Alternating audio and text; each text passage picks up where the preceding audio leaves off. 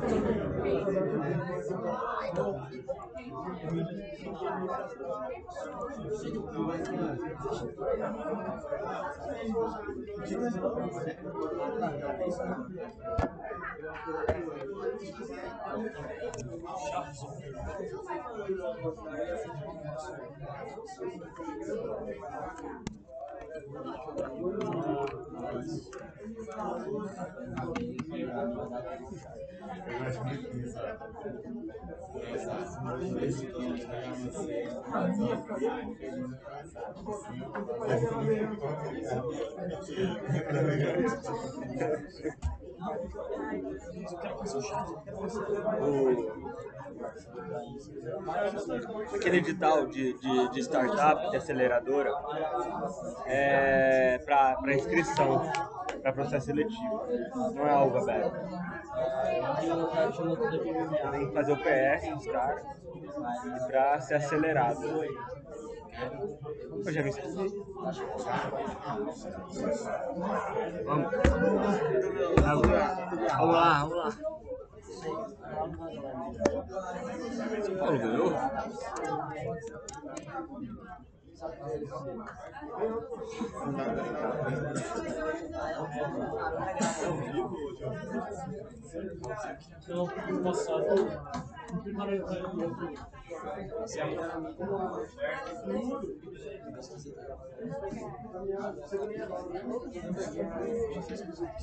ano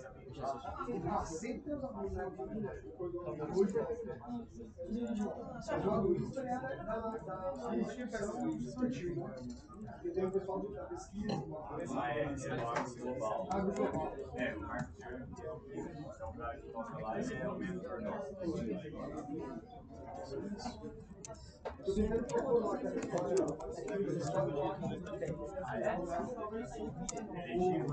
Eletivo, é, vou tentar o eletivo. Já escrevi.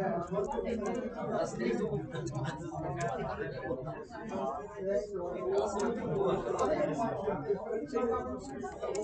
Minha mãe entrou no quarto. Beijo, mano. Era Mas eu vou tentar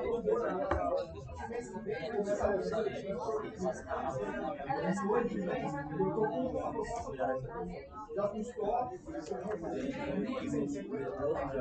você faz o que você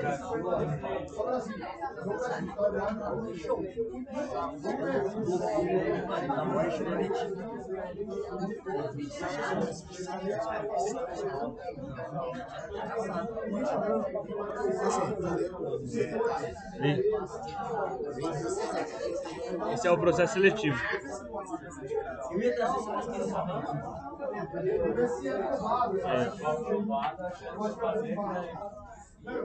Poxa, acabou mesmo.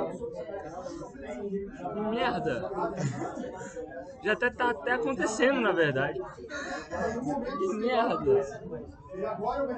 Caralho, velho. Eu tô me sentindo muito burro agora. Eu fiquei mó cota fazendo o formulário.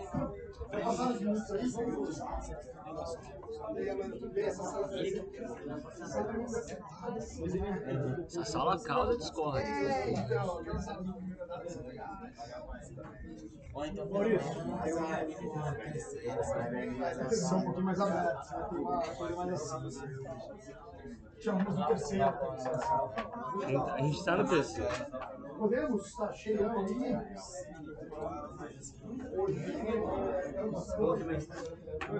Coloca seu prisma, amor. Vamos lá, vamos da pública. Sexta-feira é a prova, por favor. Tem problema aqui. Seria fácil de né? Cara, eu não montei, na verdade, eu montei. É, ser mais detalhado. Eu posso ser detalhado, não tem problema. É, o monitor montou, eu pedi para montar para as propostas, ele montou várias propostas. E aí eu fiz vários comentários para ajustar algumas coisas e ele vai entregar hoje à noite, depois dos meus comentários. Né? Tinha umas quatro ou cinco propostas assim, para escolher entre elas quais a gente ia usar. Então acho que até amanhã, de manhã, sim, até amanhã no almoço, eu devo ter as provas que eu fiz. Mas é isso, não é difícil, eu faço. É bem coerente com as aulas e com os cases. assim. Não tem pegadinha nenhuma. Lembre-se que pode consultar, por favor, lembre-se que pode consultar. Só não pode usar fone de ouvido, só não pode se comunicar com outras pessoas, tá bom? O resto vocês podem consultar à vontade. Isso é importante. Pode, consulta o que você quiser. De novo, só não usa fones. Teve uma marca aí no semestre passado que acabou quebrando essa possibilidade. Eu acho tão legal usar fone com música na hora que estava trabalhando, cara. Eu, quando chegar trabalhando, normalmente estou é, com fone escutando música. E aí teve um babaca que resolveu combinar com outro babaca que o cara que fez a prova de manhã ia ficar falando pra ele no fone como tinha sido a prova de manhã enquanto ele fazia a prova à tarde.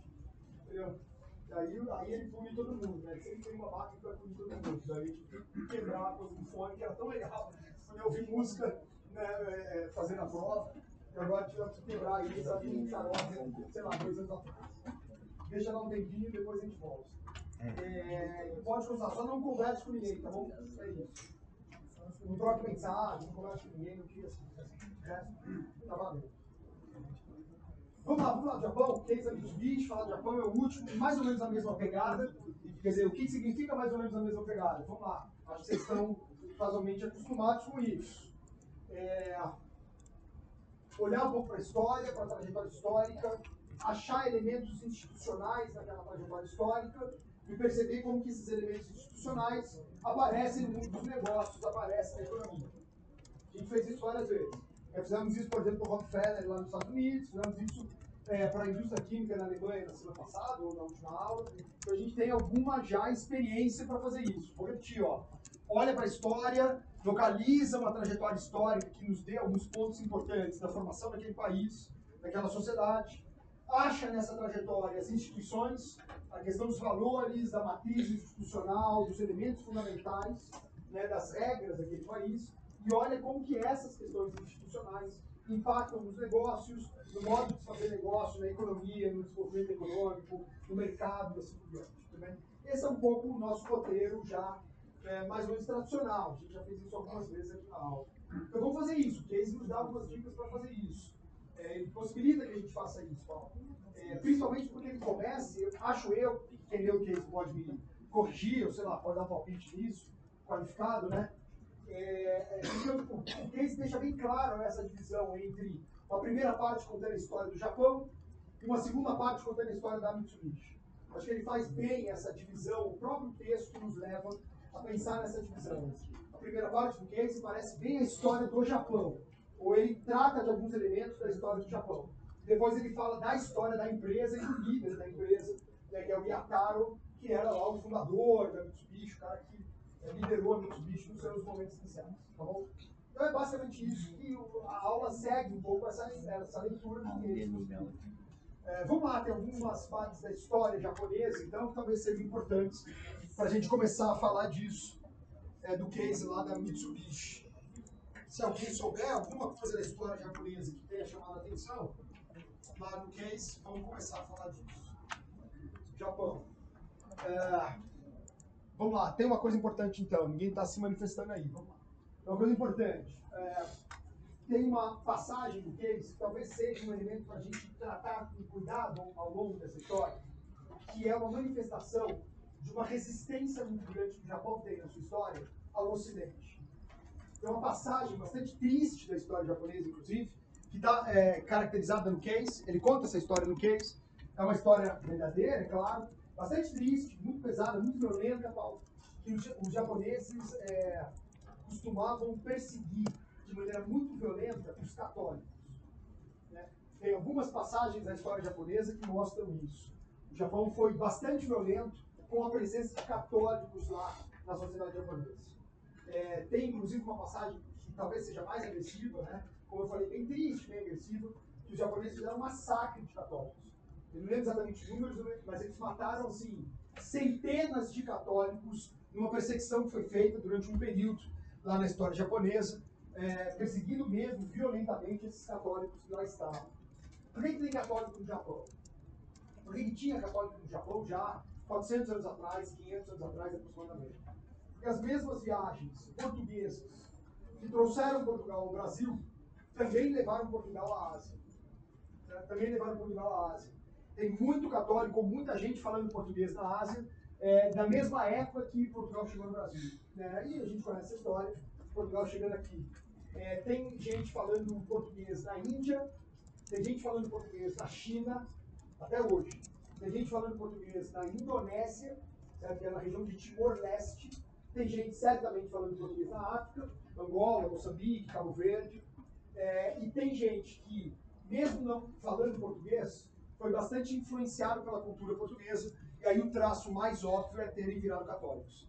É, Japão, o Japão sofreu, o Japão é, teve, recebeu uma presença muito grande de jesuítas portugueses fazendo catequização da população japonesa. Então tem uma população católica no Japão. E eles sempre foram vistos pelos japoneses meio como intrusos. Ah, japonês virou católico? Ah, se vendeu ao Ocidente, se vendeu aos europeus, foi dominado pelos europeus. Os japoneses sempre desconfiaram disso. Sempre se manifestaram aí de maneira até agressiva contra essa presença ocidental. E aí revelada no case pela presença dos católicos que foram perseguidos lá no Japão.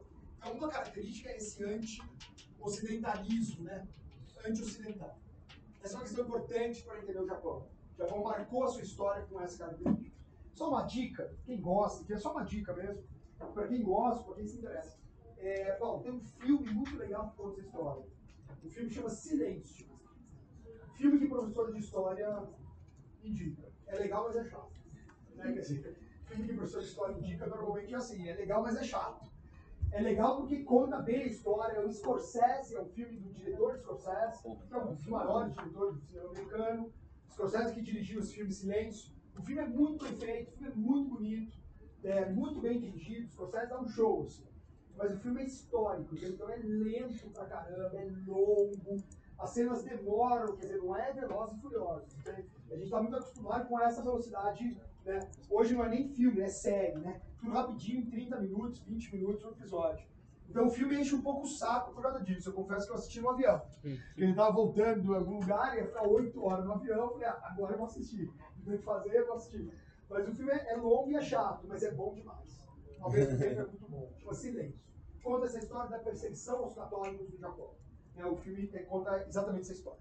Então essa é uma questão importante que fez, Paulo, com que o Japão fosse muito fechado ao Ocidente durante séculos e séculos. Não só a influência cultural, ou principalmente a influência cultural do Ocidente, mas que para os japoneses significava também se fechar para o comércio ocidental, se fechar para o mercado ocidental.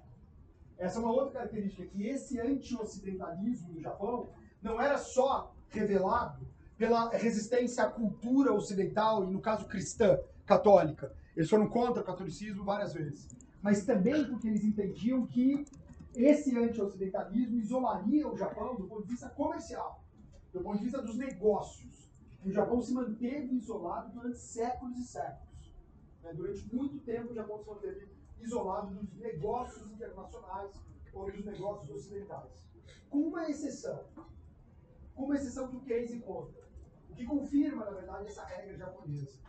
É, a Holanda mantinha negócios com o Japão há muito tempo.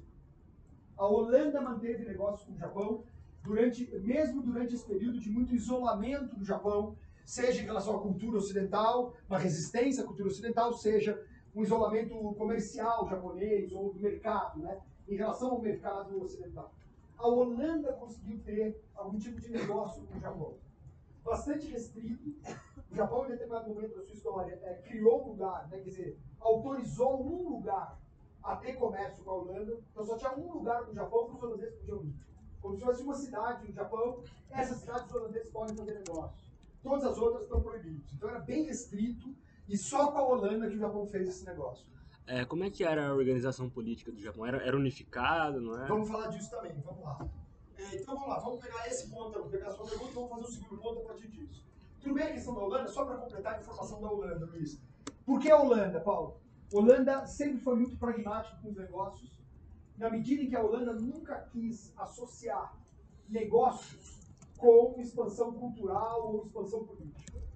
A Holanda nunca quis fazer isso. Lembra da Holanda dominando o Nordeste? Da Holanda que ficou lá em Recife um tempão? Ninguém em Recife aprendeu a falar holandês. A Holanda estava se lixando para isso. Ela não queria que ninguém falasse holandês. Ela queria fazer negócio com os caras ela não transformou ninguém em protestante. A Holanda não pressionou ninguém no Nordeste brasileiro para virar protestante. Ao contrário, a Holanda construiu igreja católica, mesmo sendo protestante, para que os católicos de Recife gostassem deles, para que os católicos de Recife tivessem uma boa relação com os holandeses. A Holanda é tão pragmática que ela não moraliza o negócio. A Holanda não moraliza o negócio a ponto de, até agora, a Holanda tem uma posição do tipo, ah, você quer fumar maconha? Tá bom, vem aqui que a gente vende pra você. Não é isso que a galera faz? Vai lá no estender lá pra ficar nos cafés lá que vem maconha? Né? Ah, você quer vender o seu corpo? Tudo bem, vem aqui, a gente põe uma vitrine aqui, você fica desfilando, vê se alguém paga pra ver o seu corpo. A Holanda faz isso, o Red Light District, em Amsterdã. A Holanda não moraliza os negócios a ponto de ter uma postura, às vezes, até um pouco assustadora. Assim. Como assim? Você vai colocar as moças seminuas lá né, pra ficar turista batendo lá na janela? Sei lá, não pode, bater na janela tem polícia pra te evitar. Mas é isso, sim. A Holanda até às vezes passa um pouco do que a gente acha razoável. Né? A Holanda não moraliza os negócios.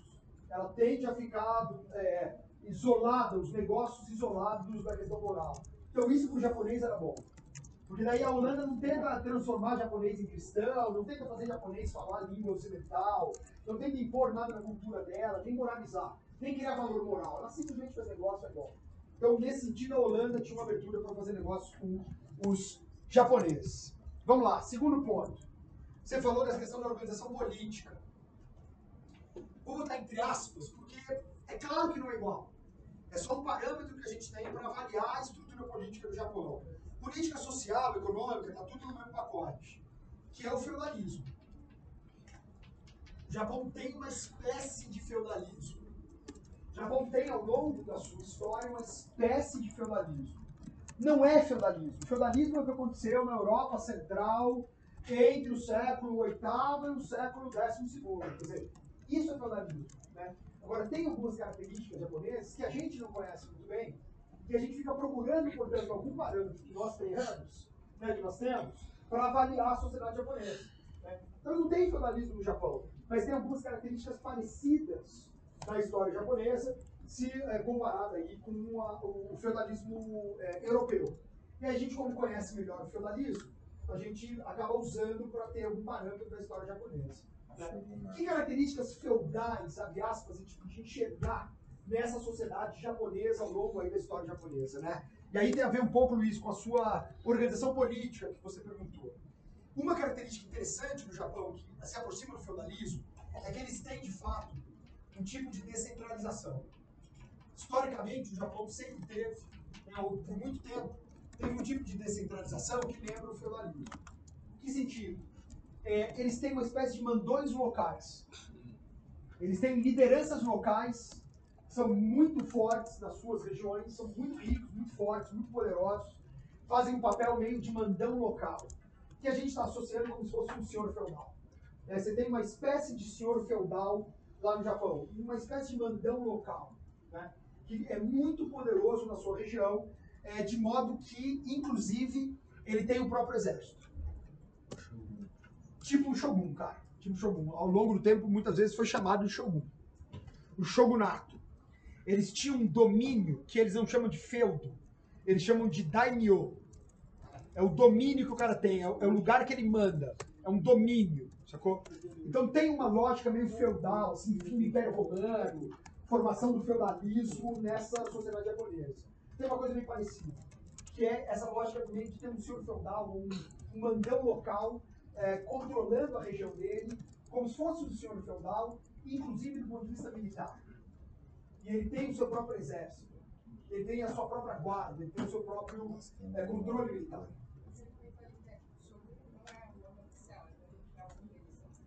É, Shogun é um sistema de shogunato que dá esse poder a esses líderes locais. Shogunato é o nome que se dá ao poder desses líderes locais. Tá? É, tudo bem isso, quer dizer, tem uma espécie de feudalismo nesse sentido político e desses líderes locais muito poderosos. Aqui no Brasil, mais perto que nós tivemos disso, longe de ser feudalismo, não tem feudalismo no Brasil, mas o que mais perto nós tivemos no Brasil foram os coronéis, que conseguiam controlar uma região normalmente rural, normalmente rural, e tinham um controle, inclusive, de polícia, muitas vezes, né? Controlavam os capangas, usavam violência, muitas vezes tinham poder de polícia na sua região. Então, mais perto que nós tivemos foram os coronéis. Mas, de novo, está longe de ser feudalismo no Brasil. Né? Mas essa característica dos coronéis poderia criar alguma ponte para a gente fazer uma analogia com aquilo que aconteceu no Japão, aquilo que acontecia na Europa feudal. Tudo bem? Uh, vamos lá. Tem uma característica interessante dessa estrutura meio feudal, semi-feudal, ou parecida com o feudo lá do Japão. Que essa nobreza, que é o dono da terra, que é o mandão local, que é uma espécie de senhor feudal da região, essa nobreza, diferentemente, diferentemente do que acontecia na Europa, fala favor? Claro, você fica com dificuldade de enxergar. Eu vou tentar, porque não alcanço.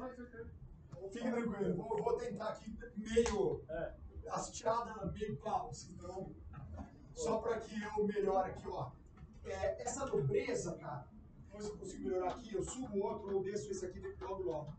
Essa nobreza meio feudal japonesa, ela, ela tem uma, uma diferença é, grande, ela tem uma diferença importante em relação a essa nobreza, a sua análoga oriental, é, europeia ocidental, que é o seguinte, essa nobreza é dona da terra do Japão.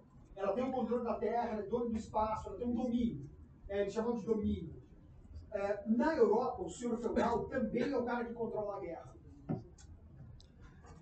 Ele também é o cavaleiro medieval, ele também é o cara da, da ética é, militar. Ele é o cara da terra na Europa, no feudo europeu. Ele é o cara da terra e o cara do exército. Tanto que a origem da palavra feudo não é ligada à terra. Quando a gente fala que o cara tem um feudo, a gente fala, ah, o cara tem um reino, um principado, da terra, é um lugar dele, um domínio dele. A origem da palavra feudo é fidelidade militar. Eu troco com você um feudo porque eu te devo alguma fidelidade militar porque você me ajudou com alguma coisa. Então, quando você for fazer uma guerra com alguém, pode contar com a minha ajuda. Você é um nobre, eu também sou um nobre. O feudo tem origem na questão militar, depois que a gente vai associar o lugar, né? o feudo ao lugar. É, na, no Japão, por mais que a nobreza, dona da terra, né, que faz um papel aí de senhor feudal, tenha o domínio sobre a terra, mesmo que ela tenha é, o seu próprio exército, certo? Ela divide as funções militares com outro personagem da sociedade. Tudo bem?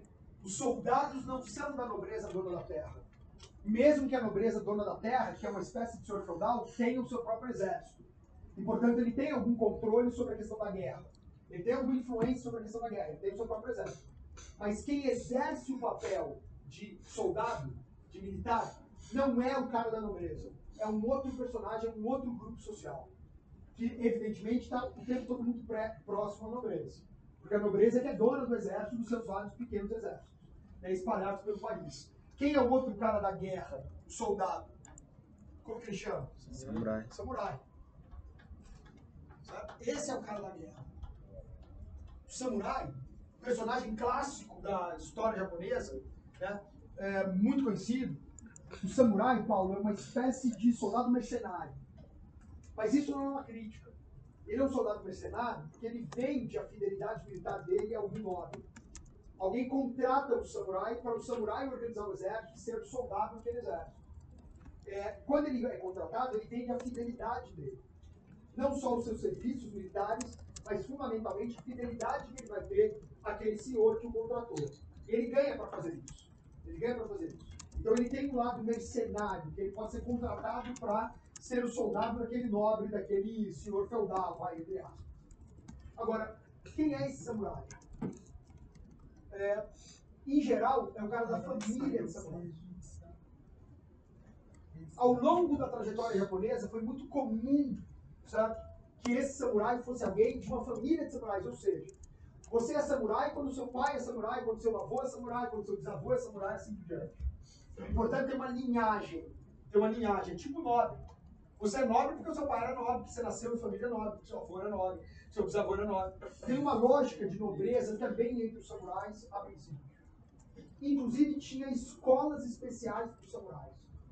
Quem era de família de samurai virava samurai, mas tinha que passar durante a sua vida pela escola de formação de samurais.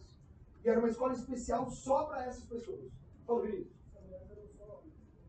Só homens, só homens. Dificilmente vai ter mulher. Pode ter alguma mulher aí na história, tipo uma Mulan da vida, assim. Mas é, mas é fundamentalmente homens. É fundamentalmente.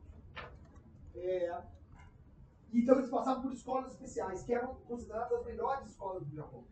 As melhores escolas daquela sociedade. O que eu quero dizer com isso é o seguinte, que mesmo o samurai, é, não sendo um nobre, ele tem um tratamento naquela sociedade é, de muito privilégio. Em outras palavras, se eu tivesse que hierarquizar a sociedade japonesa, eu teria dúvida se os donos da terra tinham mais status do que o samurai. Eu acho que, na real, o samurai tinha mais status. O samurai é mais respeitado, o samurai é mais invejado, o samurai é o cara que, de alguma maneira, carrega essa posição de status social superior. Mesmo que ele seja contratado por um nobre para organizar o exército, a guerra, para algum senhor feudal, né, para algum é, parecido ao senhor feudal. Um segundo já te passo, vou falar com ele, daí você fala. Você falou que é, os, os samurais eles vêm de uma viagem, né? Família. Então o cara não podia simplesmente virar um samurai. Era difícil. Agora, é, ao longo da história, isso foi diluído em alguns momentos. A princípio, tinha uma rigidez mais conservadora de que só pode ser samurai o cara que veio de família samurai e tal, que passa pela escola dos samurais. Ao longo do tempo, essas coisas vão se flexibilizar.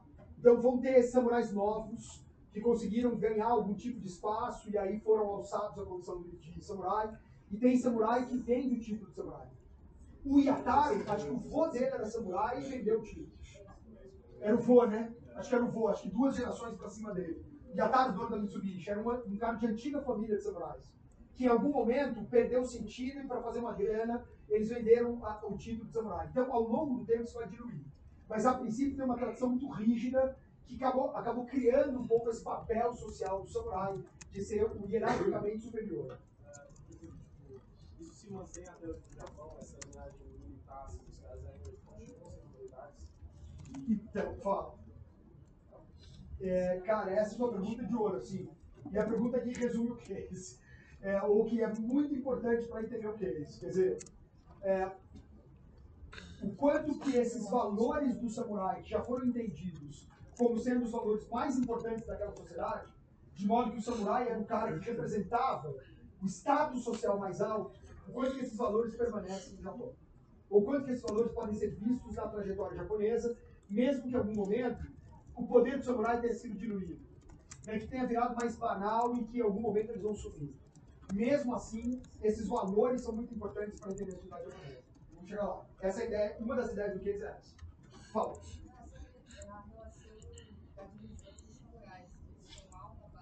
Sim. são completos? Não, é, é por causa dessa diluição. Conforme tem muita diluição nesse papel dos samurais, é, samurais novos. Então, por exemplo, quando, quando em algum momento se facilita é, que pessoas que não eram de família samurai virem samurais, os samurais mais tradicionais tratam esses novos samurais como uma segunda classe. Entendeu? É, é razoável que seja assim, quer dizer, isso é bastante comum na sociedade. Então, essa diluição do, do samurai acaba criando essa divisão, entende? E aí, lógico, os samurais mais tradicionais tendem a ter muito mais dificuldade para se livrar, mesmo que eles queiram, desse papel que eles têm. Eles não queriam, quer dizer, os samurais mais tradicionais é que tinham uma espécie de elite dos samurais, né? Agora, novos samurais conseguiam vender mais facilmente, virava quase, muitas vezes virava um negócio. Né? Quer dizer, meu filho é samurai, eu vou vender o título dele, sei lá, o meu pai é samurai, eu vou vender o título dele para fazer uma grana, para fazer algum negócio, assim. Então isso vai é, mobilizar, vai dar mais mobilidade, né? Mas de qualquer modo, o samurai é alguém que tem uma hierarquia muito alta. É o cara que representa os valores mais fundamentais daquela sociedade. Tem isso. Antes da gente entrar nesses valores, foi um pouco a pergunta dele, acho que a gente pode negociar um pouco essa questão dos samurais. Tem uma outra característica importante aqui. Então tem o samurai, enfim, o valor da guerra e essa hierarquia, a nobreza é dona da terra. Tem essa questão da descentralização que a gente estava falando, né, que estava ligado a essa lógica. É, tem a questão do anti-ocidentalismo. Fala, cara, desculpa, eu demorei para perceber. Por que o samurai mais nobreza? Sempre o samurai não é tipo da nobreza, então é, faz sentido, por isso que é estranho mesmo. A sua pergunta é pertinente, por isso que é estranho. É, ele é mais ou menos submisso. Quer dizer, é, é, ele. Putz, eu vou fazer uma analogia péssima. Péssima analogia, me perdoe, mas é a única que está me vindo na cabeça, para tentar pensar um pouquinho sobre o que você perguntou. Quer dizer, é, mesmo que eu esteja recebendo o meu salário como professor, a partir daquilo que você paga na faculdade, certo? É, hierarquicamente sou superior a você. Sacou? Não é o fato de você me pagar, de você me contratar para dar aula para você, de algum modo, é isso que você está fazendo, que faz com que hierarquicamente você seja superior a mim aqui dentro da faculdade. Você não é. Sacou? Porque é o valor que está em jogo. Não é se você contrata ou não, se você paga ou não. Esse é o valor ocidental burguês, eu estou pagando. Se eu estou pagando, eu determino. Não, não, não, não. Você está pagando exatamente para eu ser superior a você. É por isso que você paga, porque eu sou o professor. Eu, de novo, é péssimo porque parece que eu estou me defendendo, mas não é isso. É uma analogia que a gente está tentando fazer. Não necessariamente é o fato do nobre contratar o samurai que faz o nobre ter um status mais alto. O nobre pode contratar o samurai exatamente porque o samurai tem um status mais alto. Eu tenho grana, mas você tem um status mais alto. Então eu vou contratar você até para melhorar o meu status. É isso. É aí. É isso aí. É isso aí. O nobre acaba. O nobre pode ter mais status, a depender de qual samurai ele contratar. Entendeu? Fala. Não, são autônomos, por isso que eles são meio mercenários. Não existe a ideia de que ele faz parte de um grupo unificado. É ele. Certo? Ele é um samurai. Muitos samurais vão ser donos de terra, evidentemente. Eles nunca ricos, muitos deles vão ser donos de terra. Mas o samurai tem tanto status, cara. E olha só, talvez o exemplo do Casey Dai que mostra um pouco isso. O samurai é tão respeitado e tem tanto status naquela sociedade que se o samurai vir ou visse alguém descumprindo alguma regra daquela sociedade, ele tinha o direito de matar a pessoa. Exatamente. Se o samurai se sentisse ofendido, ele podia usar a arma dele contra a pessoa, podia matar a pessoa. É impressionante, quer dizer, como se dá poder ao samurai nesse sentido. Ele tem muito status, muito status. Ele é muito poderoso nesse sentido. Boa questão sua, quer dizer, ele está comprando, o nobre está comprando a proteção que o samurai pode dar a ele, e a depender do samurai que ele compra ou que ele contrata, ele tem mais prestígio social. É mais ou menos isso, para subir o seu prestígio social. Mas é, é, não, faz sentido, a analogia faz sentido. Faz sentido. A honra também era muito prezada. Quem? A honra também era Ah, não, vamos chegar nos prezada. valores. Perfeito, vamos chegar nos valores. Antes de chegar nos valores, que tinha a ver com a pergunta dele, como como tinha essa questão dos samurais, do exército, do guerreiro, ainda permanece na sociedade japonesa, que é isso. Na verdade, você está respondendo a pergunta dele. Antes de chegar, só me dar um minutinho, só para dar a última informação sobre isso. É, além dessas características que a gente está vendo, tem uma outra característica interessante no Japão, que é a seguinte. O Japão tinha um modelo que o imperador que não é o cara, e ela perguntou, né? É, o, o imperador não era o cara que era chefe dos samurais, não é isso. É, mesmo que o imperador não tivesse o poder, por exemplo, militar sobre os nobres, o imperador não tinha esse poder militar sobre os nobres, é, mas eles tinham uma regra que foi cultivada e, e desenvolvida ao longo do tempo, que esses nobres passavam uma parte do ano deles nas terras do imperador. E essa é uma questão muito interessante. O Japão tem efeitos muito importantes no Japão. Quer dizer, eu vou repetir. Mesmo que o imperador japonês eh, não tivesse o poder sobre outros nobres, por exemplo, não tinha o poder militar sobre outros nobres, na medida em que cada nobre podia ter o seu próprio grupo de samurais, o seu próprio exército. Certo? Então o imperador não tinha esse poder sobre os outros nobres. É, mesmo assim, foi criada uma regra, um acordo entre eles, que uma parte do ano esses nobres passavam nas terras do imperador, no domínio do imperador, que normalmente é a capital, né, o que a gente identifica como sendo a capital. Foi Kyoto e foi Tóquio, que era chamado de Edo, né, também. Exatamente. E aí eles faziam muitas vezes a família ficar em tempos diferentes para forçar que o cara deixasse alguma coisa lá. Qual é a lógica disso, Gabriel? A lógica é a seguinte: quando o nobre sai da terra dele e tem que passar, sei lá, um mês, dois meses na terra do imperador, ele não tem, por princípio, o direito de produzir comida na terra do imperador. Se ele for produzir comida na terra do imperador, ele vai ter que pagar para o imperador. Porque é o domínio do imperador aquela terra. Então o que acontecia? O nobre, quando saía da terra dele, ia para a terra do imperador, levava as coisas dele para passar dois meses na terra do imperador, um mês na terra do imperador. Como ele levava isso e todos os nobres faziam isso, ele encontrava outros nobres que faziam a mesma coisa na terra do imperador. E aí, portanto, ele tinha a possibilidade de trocar aquilo que ele levava com o que o outro nobre levava. E eles criaram desse jeito, nas terras do imperador, um centro de comércio. Essa é a jogada.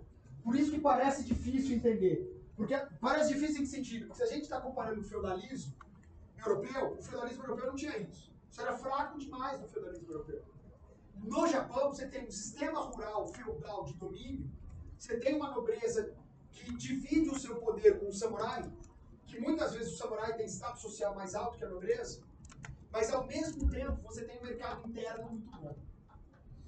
Porque eles criaram essa perspectiva a partir dessa ideia de que os caras devem meses do ano na terra do imperador.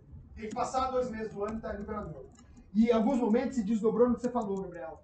A família do nobre vai um mês, o nobre mesmo vai no outro mês. Para garantir que a família dele lá é, vai ficar longe dele. Vai precisar, portanto, das coisas que ele leva, que ele manda para fazer troca e para sobreviver. Fala, cara. Mas isso acontece mais por questão geográfica, né? Porque, tipo assim, já a Europa faz o sistema feudal, leva cidades, e entre as cidades, eles abrem os uma ilha, praticamente. Claro, claro. Tinha muita expansão. Então, Não, o mercado interno é lá dentro, mas ele é relativamente pequeno comparado à possibilidade europeia. Fala. Então é certo eu falar que por conta da questão geográfica faz mais sentido o mercado interno ser mais forte. Faz sentido. Faz sentido sim. Faz sentido. E, e, e aí junta, faz todo sentido. E aí junta com essa história do isolamento anti-ocidental. Que além disso, os europeus não abriam para os ocidentais, não queriam negócio com os ocidentais durante muito tempo. Exatamente. É um símbolo dessa briga dos japoneses com os ocidentais é ficar perseguindo católico. Então isso tudo contribui para o Japão ficar mais fechado. Mesmo que seja um sistema meio feudal, ele desenvolve um mercado interno interessante. E aí tem uma jogada legal disso aí. Boa, boa essa ideia. Professor, Fala, cara. Não entendi ainda tipo, qual era a lógica de ir até a terra do imperador. Era Era um acordo que eles tinham. É meio um acordo de suzerania e vassalagem. Sabe acordo entre dois nobres da Europa, de suzerania e vassalagem? Quer dizer, o suzerano é o rei, que é o nobre dos nobres. Os outros caras são vassalos dele. Então, em algum momento, esses caras que também são nobres vão ter que prestar algum serviço para o rei para provar que eles são vassalos, para confirmar a condição de vassalo. Lembrando, é, vassalo e suzerano são do mesmo grupo social. Não é o, o nobre e o servo. Nobre e servo é nobre servo, não é vassalo e suzerano. O vassalo é tão nobre quanto o suzerano. A diferença é que, por algum tipo de poder, o suzerano é o maior entre todos os nobres. E aí esse nobre vassalo deve alguma coisa ao suzerano. Certo? Deve uma fidelidade militar, deve a filha dele para o filho do, do suzerano, alguma coisa assim. Lá no Japão eles criaram um acordo de que aquilo que o vassalo deve, aquilo que aquele nobre local, poderoso local, deve ao imperador, que é o maior dos nobres, é passar um tempo lá na terra do nobre. É trabalhar durante um mês na terra do nobre. Trabalhar lá, perto do nobre. Né? Perto do imperador, me perdoe. Né? Perto do imperador. Só que para isso ele tem que levar coisas para sobreviver. Como outros nobres fazem a mesma coisa, eles trocam essas coisas. Essas mercadorias que eles têm. Por isso que o mercado interno estimula. Fala, cara. É, mas eu tô confuso. Eles iam passar um tempo na, na terra do imperador. E o Shogun, não era o Shogun, o imperador, e o Shogun nessa história. Shogun é nove. Sim. É que nem o cara que é. Isso. Ele vai. É o nobre, o dono, o domínio. O dono do domínio. Exatamente. Todos os caras que têm esse domínio. São uma espécie de senhores feudais. Não, o Daimon é o nome do domínio. Tá? O nome é do domínio. Você tem alguns shoguns que são os caras mais poderosos. Não é o Shogun. Não, exatamente. Você tem um imperador maior. Certo? É, o imperador maior tem o título de shogun. Ele é o maior shogun, ele é o chefão. Certo? Ele é o shogun imperador. Ele é o maior deles. Mas você tem outros grandes nobres ou outros nobres poderosos que nas suas regiões, nos seus daimons, eles controlam. É uma espécie de feudo. É um senhor feudal. Esses nobres, por mais poderosos que eles fossem na região deles, e eles eram muito poderosos, a ponto de ter o controle militar sobre a sua região, eles tinham um acordo com um nobre maior, que é o imperador, que é o shogun número um, o grande shogun, é, de passar um tempo lá na terra do shogun. É como se o arquiduque da Pomerânia fosse obrigado a passar dois meses por ano na casa ou no, no castelo ou na terra do imperador da Prússia, certo? Que é maior. Tudo bem? Ou, sei lá, o, o nobre de, eh, da Borgonha fosse obrigado a passar é, dois meses por ano na casa do rei da França que ficava em Paris. Alguma coisa parecida com essa. Ou em Versalhes, sabe? Versalhes, para ser fiel. Tudo bem? É mais ou menos isso. Eles precisam passar um tempo lá. Como eles precisavam passar um tempo lá, eles levavam a sua sobrevivência para lá. Certo? E aí, como todos eles faziam isso em algum momento, eles se cruzavam na cidade lá do imperador. Na terra do imperador, eles se cruzavam. Esse cruzamento fazia com que muitas vezes eles trocassem os produtos que eles tinham. E, portanto, a casa do imperador, o lugar do imperador, virou um ponto de comércio. Por isso que o comércio interno, o mercado interno deles é grande.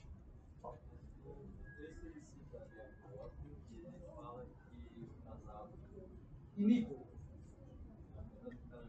Ele era similar às condições impostas pela China da da terra.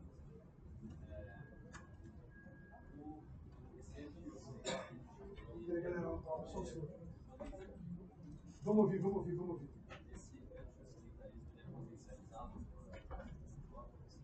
Pelo que? A última palavra eu não entendi.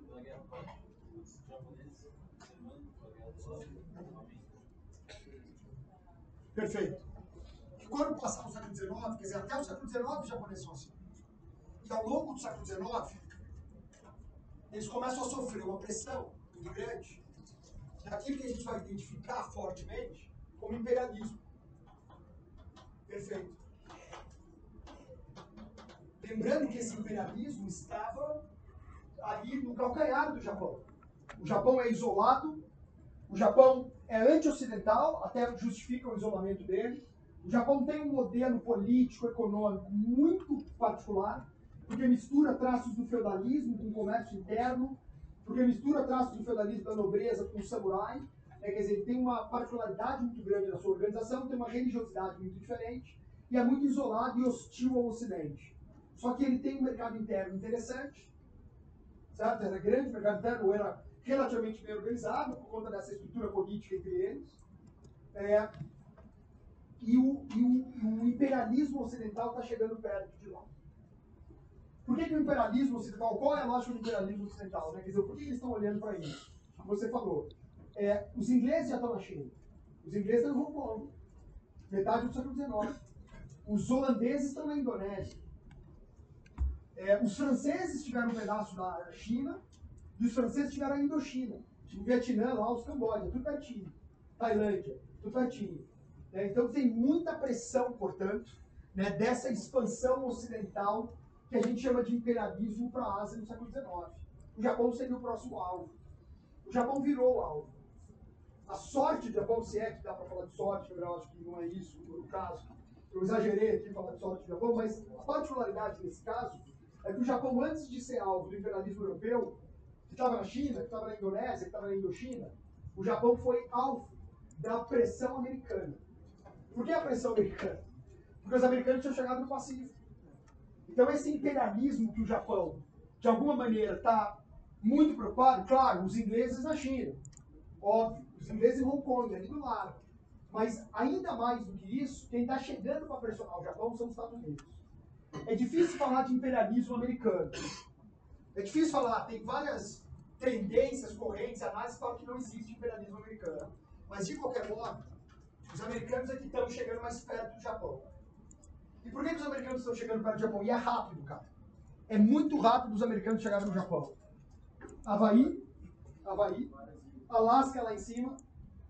É, tem uma briga que vai se consolidar depois, demora um pouco, com a Espanha, que, é, que tem a ver com as Filipinas, tem a ver com Cuba e com Filipinas, causa da Espanha. É, e os americanos chegaram na Califórnia.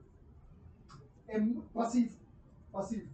É muito rápida a expansão americana até a Califórnia, que é território contínuo deles, e a partir daí sair para o Pacífico. É muito rápido, só para você ter uma ideia. É, os americanos ganharam a Califórnia, a gente falou disso aula dos Estados Unidos. Os americanos ganharam a Califórnia em 1848.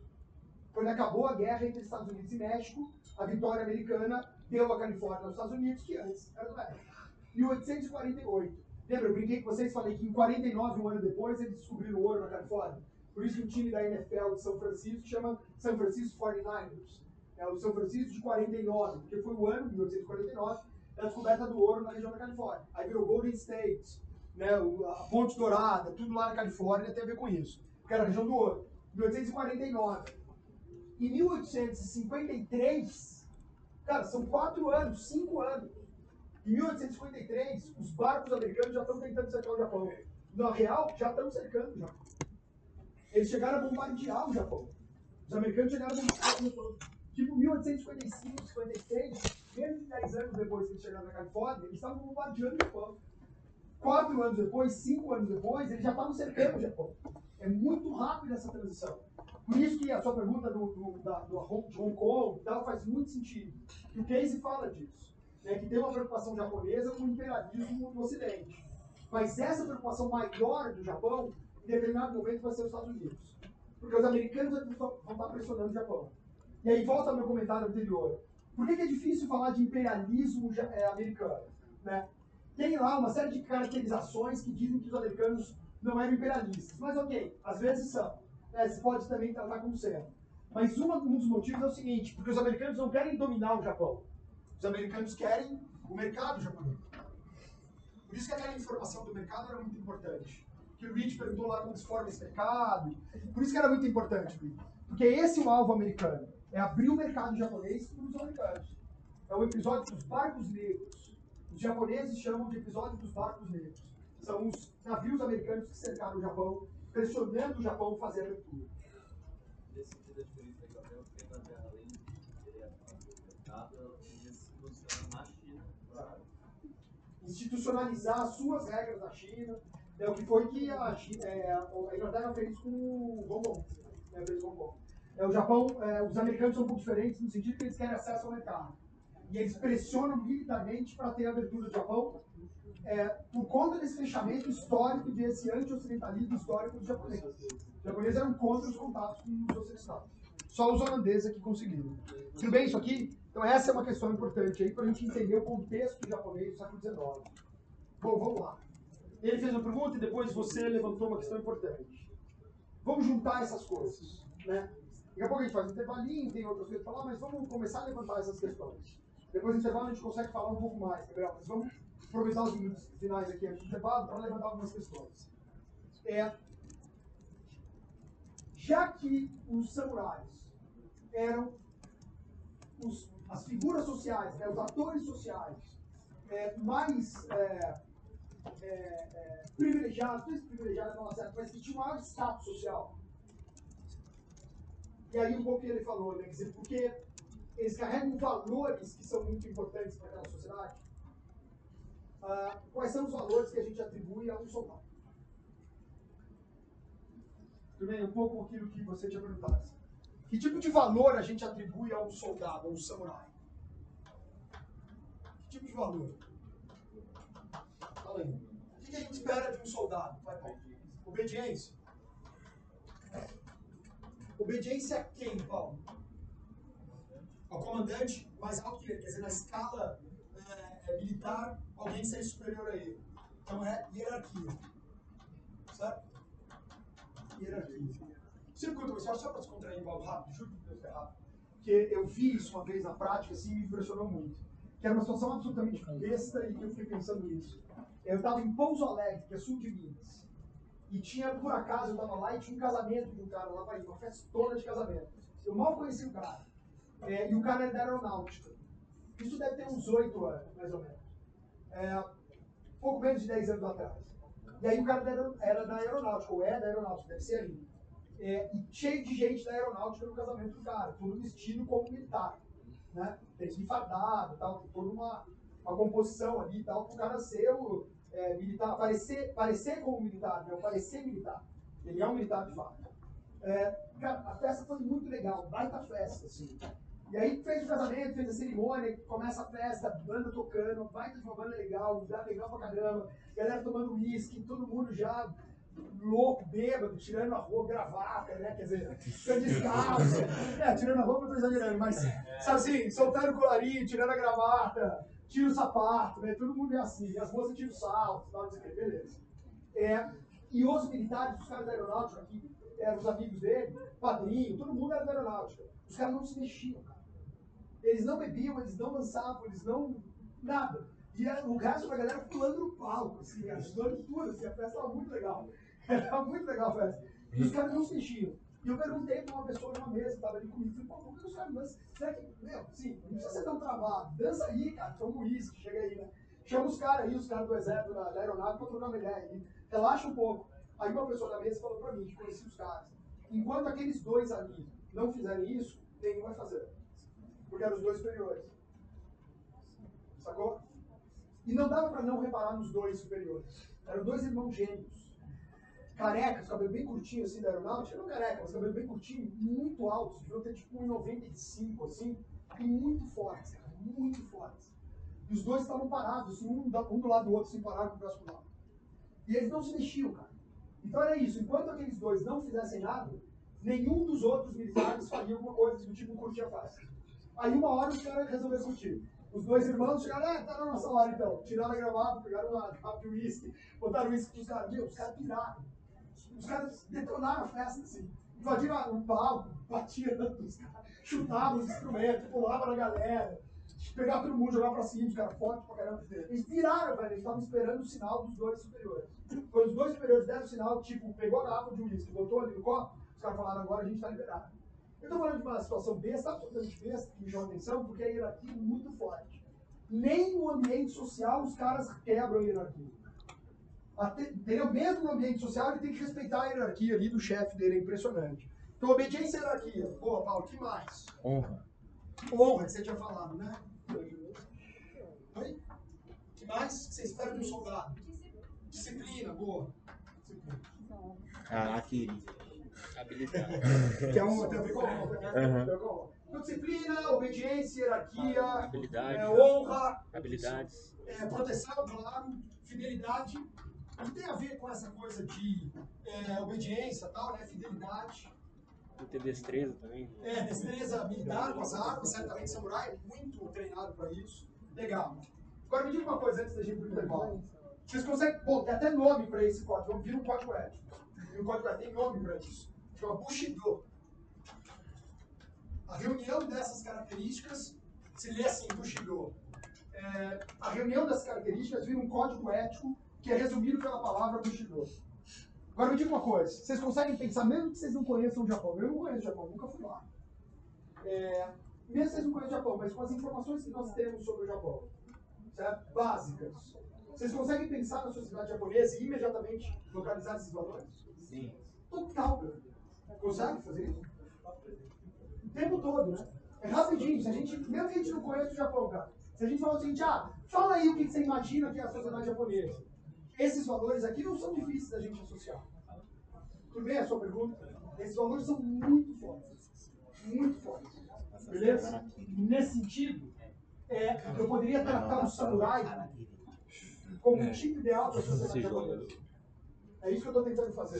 Estou tentando tratar o samurai como representante dos valores fundamentais do Japão.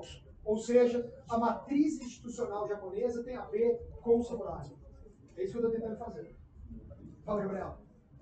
Desde a Alemanha, a gente falou bastante sobre educação. Boa. E isso está bem presente também no case Do Japão. do Japão. Tá. Mas acho mais presente na educação no case do Japão está muito a religião. Eles Boa. falam bastante Boa. de É. as Confusionismo. Exato.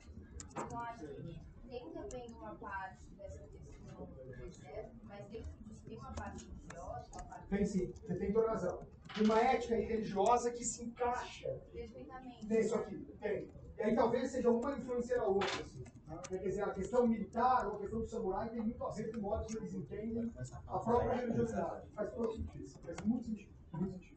Tudo bem isso aqui? Quer dizer, então, pra gente ir pro intervalo é isso. A primeira questão é, imediatamente a gente associa esses valores à sociedade japonesa. Não é difícil associar os valores, ja- esses valores à sociedade japonesa. A gente sabe quase por intuição. Já olha para a honra, claro. Né? Alguém me perguntou, bom, a gente deixa para depois do intervalo hoje. Treinaram uma pergunta legal de manhã, vou tentar reproduzir aqui. A gente deixa para depois do intervalo. Vamos fazer intervalo? A gente volta para discutir, então, como que isso aparece na Mitsubishi. Essa é a questão depois do intervalo. Como que isso vai aparecer na Mitsubishi. Nos negócios, né? Nos negócios. Oi, cara.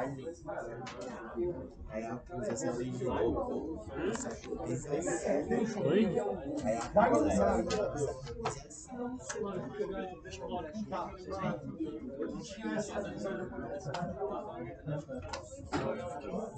Senhor Soldado. Ele vem. O Leme é secular. Chão.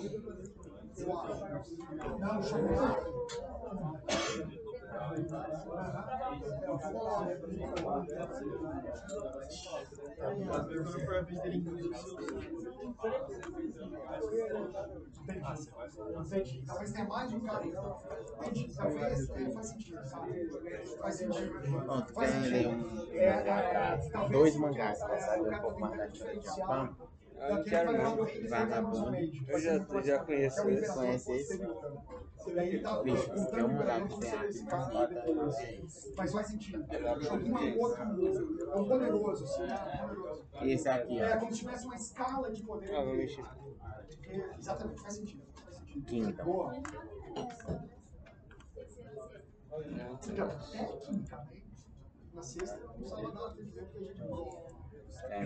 Mas, atender pessoas que têm um um tecnicamente, Missão. porque você quer que Então, o problema é que o atendimento é às 8 da manhã. Eu não sei o horário da sua aula na na sexta. É.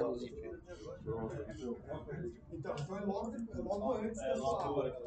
O atendimento é logo antes da prova.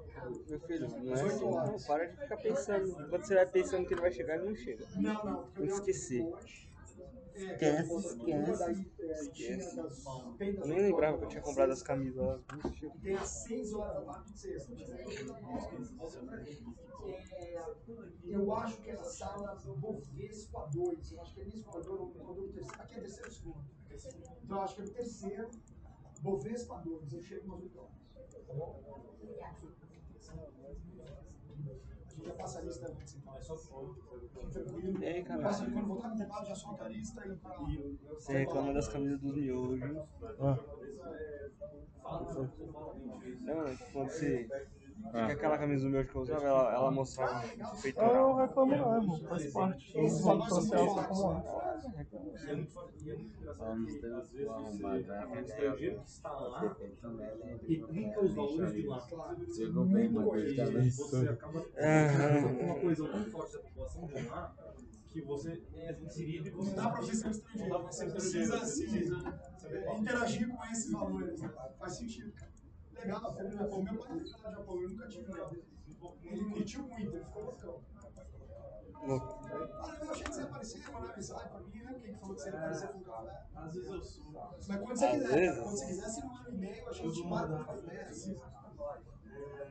Eu queria saber, tipo, quando eu fazer aquela pergunta da sociedade japonesa, da sociedade, sei que até durante a Segunda Guerra tinha muito marechal japonês com linhagem samurai. Só que o, o que, que pegou pra mim muito disso é que pô, os samurais, então se a linhagem dos samurais, todos esses que coisas assim, não tem, por que, que eles criaram um governo tão autoritário perseguindo os samurais? Por que, que o governo vai perseguir os samurais? Não, porque tipo, esses caras eles se alinham ao imperador, o lá, e começam a perseguir todo na Ásia que eles não davam de passar. Então, não tinha assim. Vamos falar disso, é. Porque eu tô roubando um pouco a aula depois do intervalo, mas a ideia é a seguinte: os samurais vão acabar. Por isso que os samurais, algumas linhagens dos samurais, os caras vão virar general do. Porque o samurai não acabar. E esse é um processo importante para a modernização japonesa. É, essa estrutura japonesa, esse é um risco, que nem a estrutura alemã. Na hora que você coloca os valores que são ligados à guerra como estruturantes dessa sociedade, como é que você segura esses valores no momento de, é, de criação de um governo autoritário? A criação de um vocabulário a partir de valores enraizados naquela sociedade que vieram da terra, muito mais fácil. E é importante você ter uma cultura maluca no Japão, que eu vi isso, que vai saber a arte do nazismo. E aí vem a guerra. Ah, duas palavras. O Japão, com essa estrutura, foi o único país oriental que pôde combater o imperialismo ocidental de igual para igual, a ponto de participar da Segunda Guerra Mundial de igual para igual. E.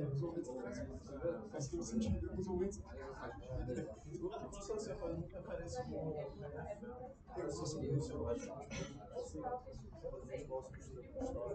Gosto muito, gosto muito. Esporte é super legal. Pô, tem um canal do YouTube que eles fazem peleja. Tá bom, é fácil de lembrar. Eles fazem documentários, tipo, Tá, eu vou olhar isso aí. Você deve ter visto recentemente, Claro, ah, vi, vi, sim, sim. Aquela camiseta de muito é, Um amigo meu, cara, que é professor da Faculdade de Esporte da USP, amigão meu pessoal, ele acabou de lançar um livro, acho que já saiu, ele estava escrevendo, mas já saiu livro. É, que ele conta a história, é, que ele faz isso, ele conta a história relacionada a esporte. É muito legal, ele contou uma história sobre uma liga de futebol que tentaram criar na Colômbia, acho que nos anos 70, nos anos 80. E aí os colombianos contrataram esses jogadores do Real Madrid, fizeram uma puta grana, assim, tinha a grana do tráfico de drogas, né, criaram uma liga. Então ele conta a história dessa liga, durou tipo 5 anos. Mas ele conta a história da liga, foi muito louco, lá na Colômbia. Aí ele tem um livro sobre. é, ele fez um livro sobre futebol, é, imenso livro, que era a história do futebol em todas as cidades que foram sete da Copa no Brasil. Então ele conta, ele, ele faz toda a história futebol nas sedes. Então, em Porto Alegre, em Natal, em Cuiabá, em São Paulo, no Rio. E eu escrevi um capítulo sobre a história do futebol em Porto Alegre. Eu escrevi, eu e um primo meu que, é, que fez, que fez, é, fez mestrado na área de comunicação esportiva, assim, trabalha com isso. Nós escrevemos ele com a parte esportiva e eu com a parte mais histórica. Né? Nós escrevemos um capítulo sobre o futebol em Porto Alegre. Então eu gosto disso pra caramba, cara. Documentário sobre basquete, eu tô vendo, inclusive, comecei, é, domingo, antes de ontem, comecei a ver a série que conta a história do Lakers dos anos 80. Uma série que conta a história do Lakers, do time de basquete americano, dos anos 80. Já quando lançou o Last Dance, você. Do Jordan? Nossa, eu adorei, cara. Vi umas três vezes já. Fiquei alucinado, velho. Eu gosto pra caramba disso. Eu tive agora em julho, cara, no Museu do Basquete lá nos Estados Unidos, no Hall of Fame. Nossa, cara. Eu vi uma foto.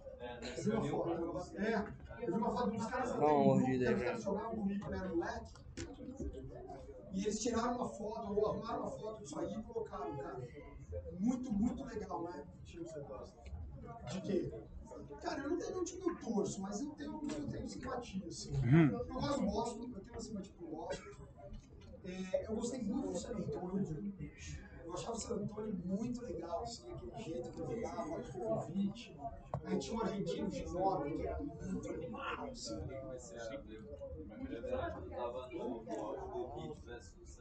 Perfeito, perfeito. O Hit quando a gente chamou lá, Formado. ele não do Red e o Bosch. Timaço, Vou mostrar um negócio aqui, ó. É, Não sei se eu vou achar. É, tinha uma, tinha uma, uma briga eu lá no Hall of Fame, na homenagem ao Kobe Bryant, lá no Hall of Fame do basquete, é uma cidadezinha no interior do... Hum. Tem uma baita homenagem ao, ao, ao Kobe, né? E aí eu tive lá agora, em julho, cara. Pô, eu fiquei emocionado, cara, no Hall of Fame do basquete, fiquei emocionado. E sabe o que foi legal, cara? Eu fiquei muito emocionado, assim, tinha uns brasileiros. Era uma cidadezinha, cara, no interior de Massachusetts, perto de Boston. Chama Springfield, a cidade, que é o mesmo nome da cidade do, do Simpsons. Mas o Simpsons não é em Boston, é uma outra não é em Massachusetts. Fica umas duas horas, uma hora e meia, mais ou menos duas horas de ônibus de Boston. Aqui, filho. Então, só pra isso, na verdade eu estava em Boston. Mostrar o que que é a habilidade do homem. Aí tem um amigão meu, que é produtor musical. ah, 70% de presente. É, o máximo tem que ter 70%. Desde lá. E era a melhor matéria. Era a melhor matéria. Mentira, essa daqui era a melhor. Essa aqui era foda. É, aqui pro HPE. é. É tipo isso. É. Então, não sei porquê.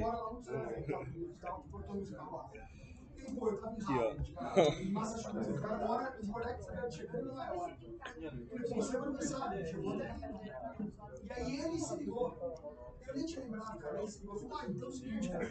Aqui perto de casa, quando você voltar da minha casa pra Boston, eu vou te deixar numa cidade pra você voltar pra Boston, meu voo sai de Boston pra São Paulo. Eu vou te deixar numa cidade que tem muitas umas caixas. Bom, Springfield, eu lembrei. Aquela, dava uma hora e meia, duas horas de.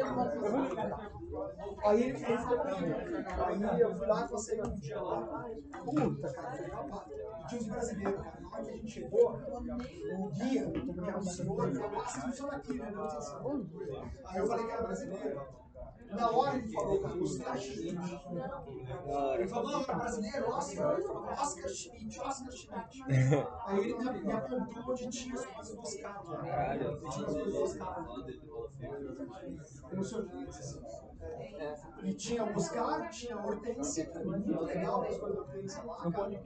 A Hortência jogava muito. Puta merda, a Hortência era muito animal. Era muito Hortência. E tinha um cara mais antigo, que foi o primeiro que entrou, que é um cara, um jogador brasileiro histórico, assim, chama o Bira Pedro. O Bira é um jogador dos anos 60, 70, que tem um dos melhores resultados da seleção brasileira. É um um jogador, e virou a referência. Ele foi o primeiro brasileiro entrando no Hall of Fame, tem 30 anos. E o Bira era da mesma cidade que eu de São Paulo. Eu conheci o Bira, quando moleque, a gente batia bola no clube. Foi campeão mundial no Brasil. O único time brasileiro que mundial, o Bira era o único E ele jogava bola com. Aqui, menino. É assim.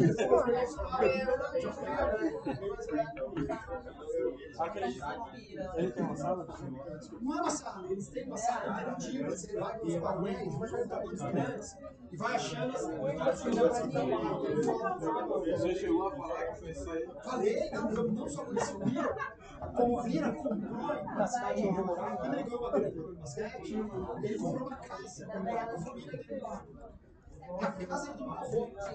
Caralho. Ele comprou a casa que era onde morava meu pai. Eu cheguei a conhecer, porque eu fui assim, o pai era. Conectar. Meu avô vendeu a casa da família do meu avô, do meu pai, morava meu pai, por mim. O Bira passou boa parte da vida dele morando na casa com ele. Então ele chegava e nossa. Chama pro churrasco. Beira. É um jogador. Brasileiro. Não. Você acha bom?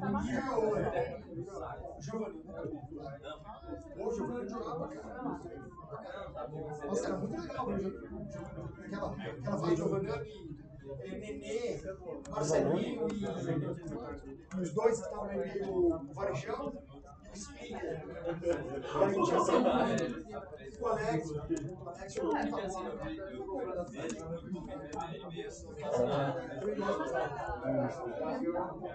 Eu vejo o Paulinho assim, por exemplo, tá jogando. Mas ele jogava na seleção, né? Marcelinho. Daí jogava Nenê, Speaker, Varejão.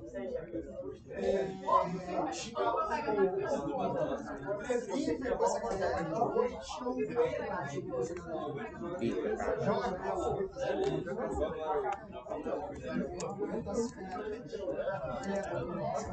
Ô, professor, o time do Rio Claro já teve algum alto Na NBA eu não sei. Agora que o Claro sai de lá, o muito. É, eu sei que já teve um título sul-americano. Deve sim, eu lembro.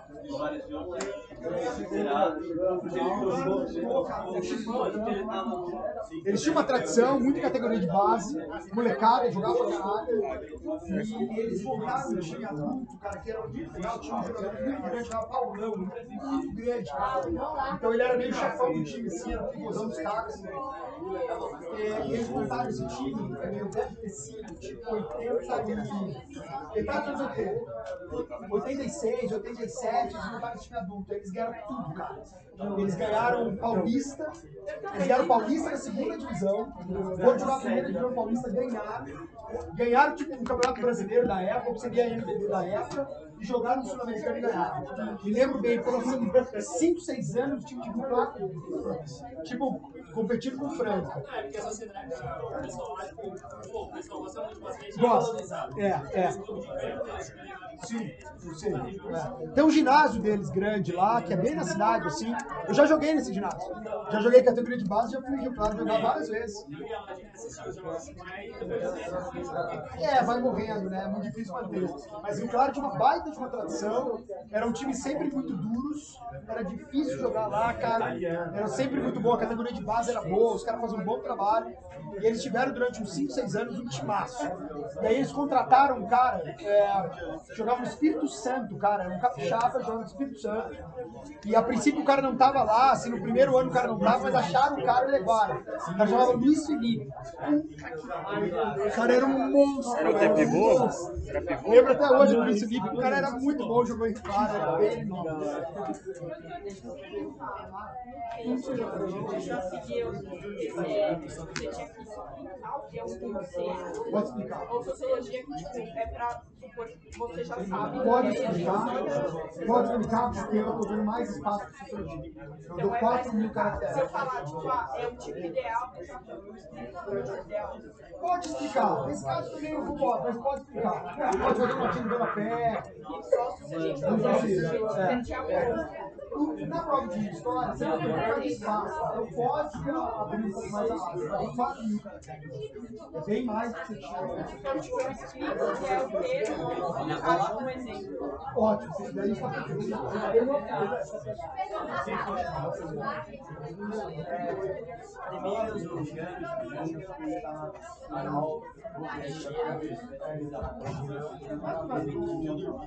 exemplo.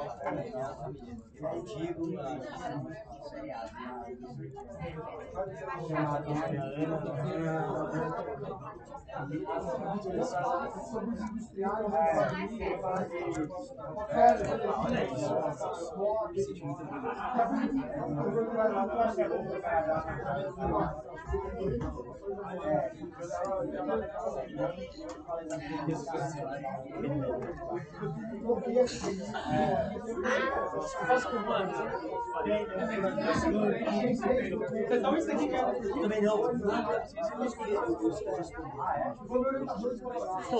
Você acha o jogo de São Paulo?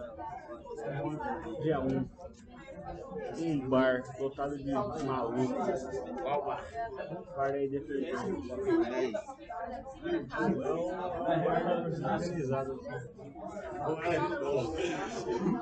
Ah, é, pai. Gosta. Vamos lá, vai eu e Bela já. Bela é, Bola é, Bela é maluca, chama eu pra essas coisas. Oi? Eu te peço pra você não chegar ser que nem Guilherme Mazer no final da última aula de cálculo do Rosso. Em 2021.2.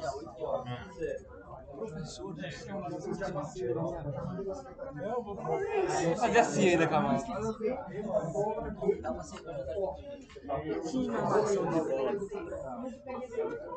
Você não vai ir?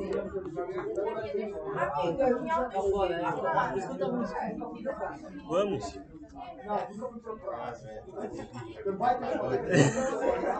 Vamos.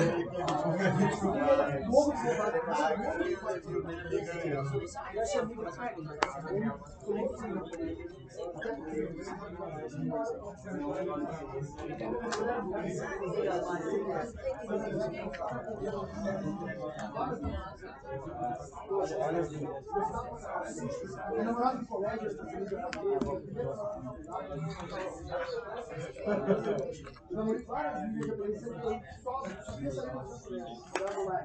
do passou. Tiago, faz essa.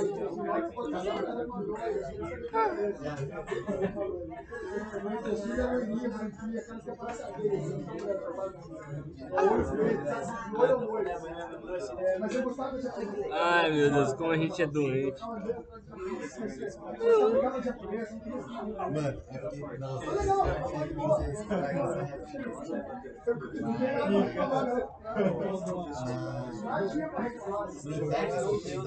Vamos galera. Tá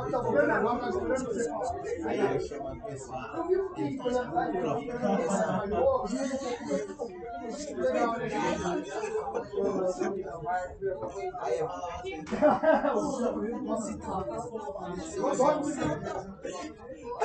Ninguém falava isso. Que festa com essa? Nossa. São Celta. Você se orgulha disso? Não, mas, ah, não fale, eu só me lembro de eu né, apoiando no bagulho assim e jogando a liquidosa. Ruim. Ah, sim.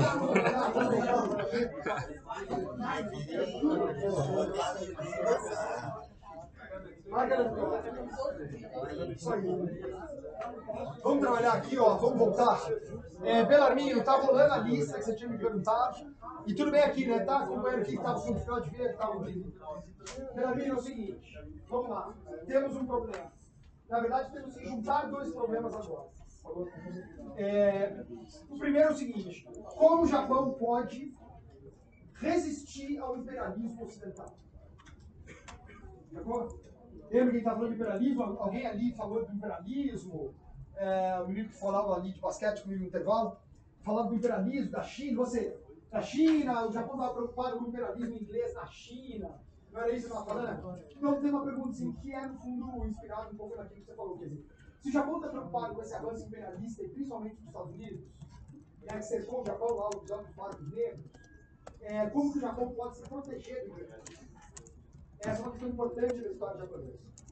Muito importante, na verdade. Como que o Japão pode se proteger desse imperialismo ocidental e da pressão americana, que alguns acham que é imperialista, outros acham que não, mas enfim, de qualquer modo, os americanos estão pressionando.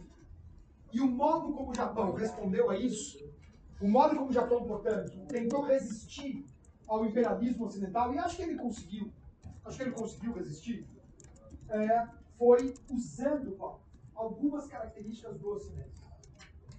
Aí está o jogo do Japão. O Ferguson.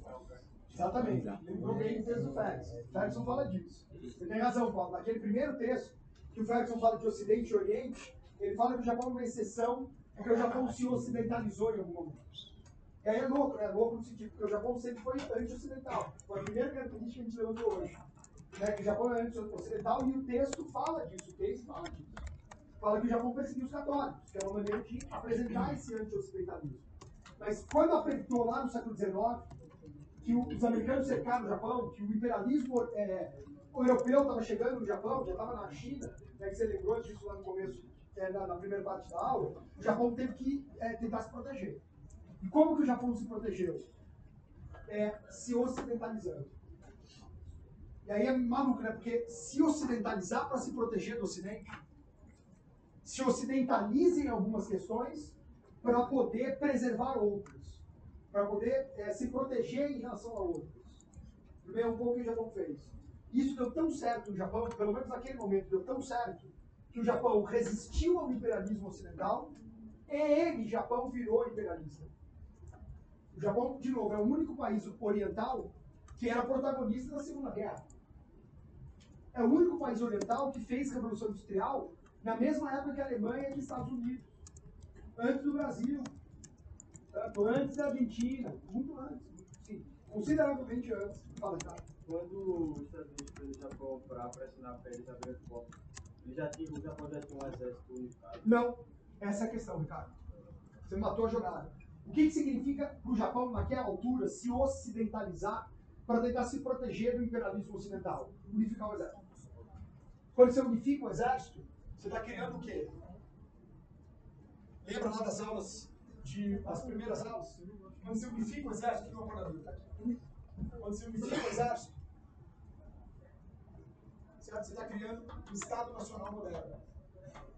Não era isso que a gente falava algumas aulas atrás? Quando você unifica o exército, você está criando um Estado Nacional moderno. Então, a grande sacada do Japão de imitar o Ocidente foi imitar o modelo político do Ocidente. Criar um Estado Nacional moderno nos moldes ocidentais, para que assim eles tivessem um exército unificado, e com o exército unificado eles poderiam resistir ao imperialismo ocidental. Não só resistir, como eles viraram imperialistas. Logo depois, vai ter uma guerra entre Rússia e Japão que marca o imperialismo japonês, disputando com a Rússia territórios na Ásia. Quando que os, os japoneses fizeram isso? Essa formação do Estado Nacional nos moldes ocidentais, de modo a unificar o exército e poder se preparar para resistir ao, ao Ocidente. Eles fizeram isso num processo que eles chamam de Revolução Meiji. Ou Meiji, já vi das duas maneiras, Meiji ou Meiji.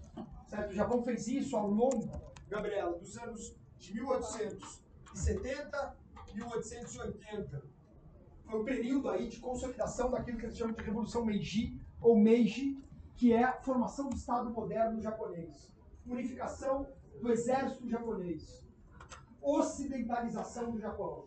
Revolução Meiji é considerada a revolução iluminista japonesa. Ao mesmo tempo que eles estavam construindo esse exército unificado, ao mesmo tempo que eles estavam formando o seu Estado moderno nacional, eles estavam mandando os jovens japoneses estudarem nas universidades europeias para aprender iluminismo, para aprender a ciência europeia, para aprender liberalismo e levar essas bases filosóficas e científicas para desenvolver a indústria no Japão. Então, uma ocidentalização, é um iluminismo japonês.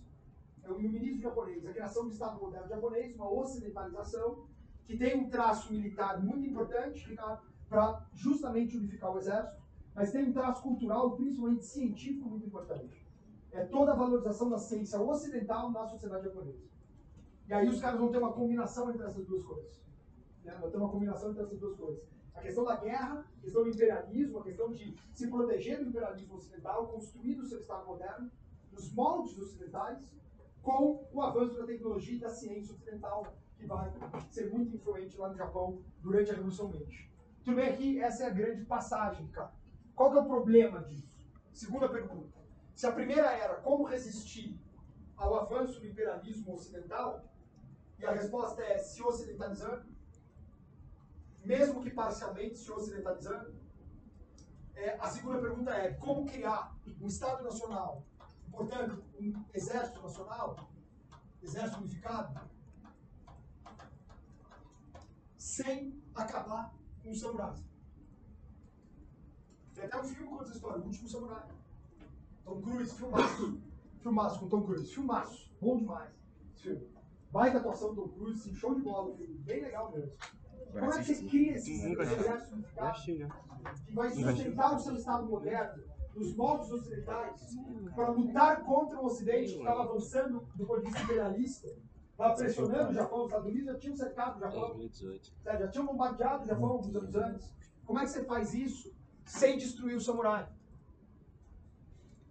Por que você não pode destruir o samurai? Porque o samurai é o cara de maior status daquela sociedade. É o cara que representa os valores fundamentais daquela sociedade. É o cara que é o tipo ideal daquela sociedade. Você vai destruir o cara que é o tipo ideal da sua sociedade? A não ser que você não goste disso. Mas a minha pergunta anterior foi: você não consegue olhar esses valores na sociedade japonesa? Até hoje? Eles não estavam tentando acabar com esses valores. Eles reproduzem esses valores até hoje. Eles gostam desses valores. Eles não são contra. Como é que você faz isso?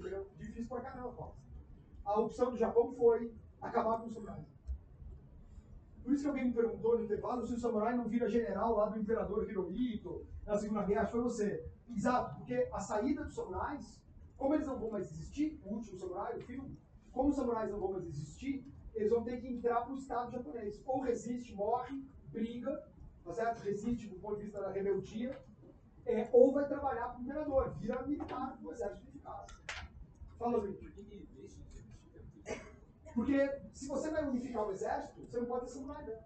Porque o exército vai unificar e vai ter o monopólio da força. O samurai não pode mais existir. Aquela figura não pode mais existir. Também uma dúvida que eu sempre fiquei, Manda ver. sem ser mais uma curiosidade ou não. Se eu souber, É, geralmente a gente associa samurai sempre usando espada. E na maioria das vezes, por exemplo, nesse caso, eu estou usando o Ocidente. Vocês vão quando as pessoas têm armas. Sim. Não é meio que uma resistência, assim? Ah, Uma sim. espada tá perto da sem dúvida. Talvez, eu não sei, Luigi, talvez tenha que olhar essa história com cuidado, mas pela maneira que você está construindo a sua pergunta, talvez seja exatamente por isso que o samurai sempre quer acabar aí com outras coisas. Você precisa modernizar o exército, que não é mais aquela tradição samurai. Ou os samurais se adaptam ao exército unificado mais moderno, com outras práticas e outras regras, para enfrentar o Ocidente, ou eles vão morrer, vão ser presos, né, não vão ter função na sociedade, vão perder a moral. O problema é que o samurai carrega o valor fundamental. E aí, como você preserva o valor acabando com o samurai? Você faz o quê? Você transfere o valor. Você transfere o valor para quem, Paulo?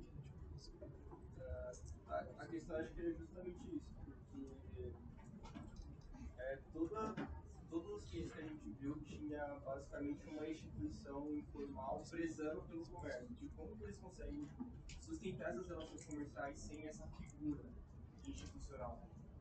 dos samurais, você fala? Então, a grande questão aí, Paulo, é o seguinte, é, boa questão, mas acho que tem um desdobramento dela. É, a grande questão é, o samurai não é fundamentalmente o cara do comércio, o samurai é fundamentalmente o cara da guerra.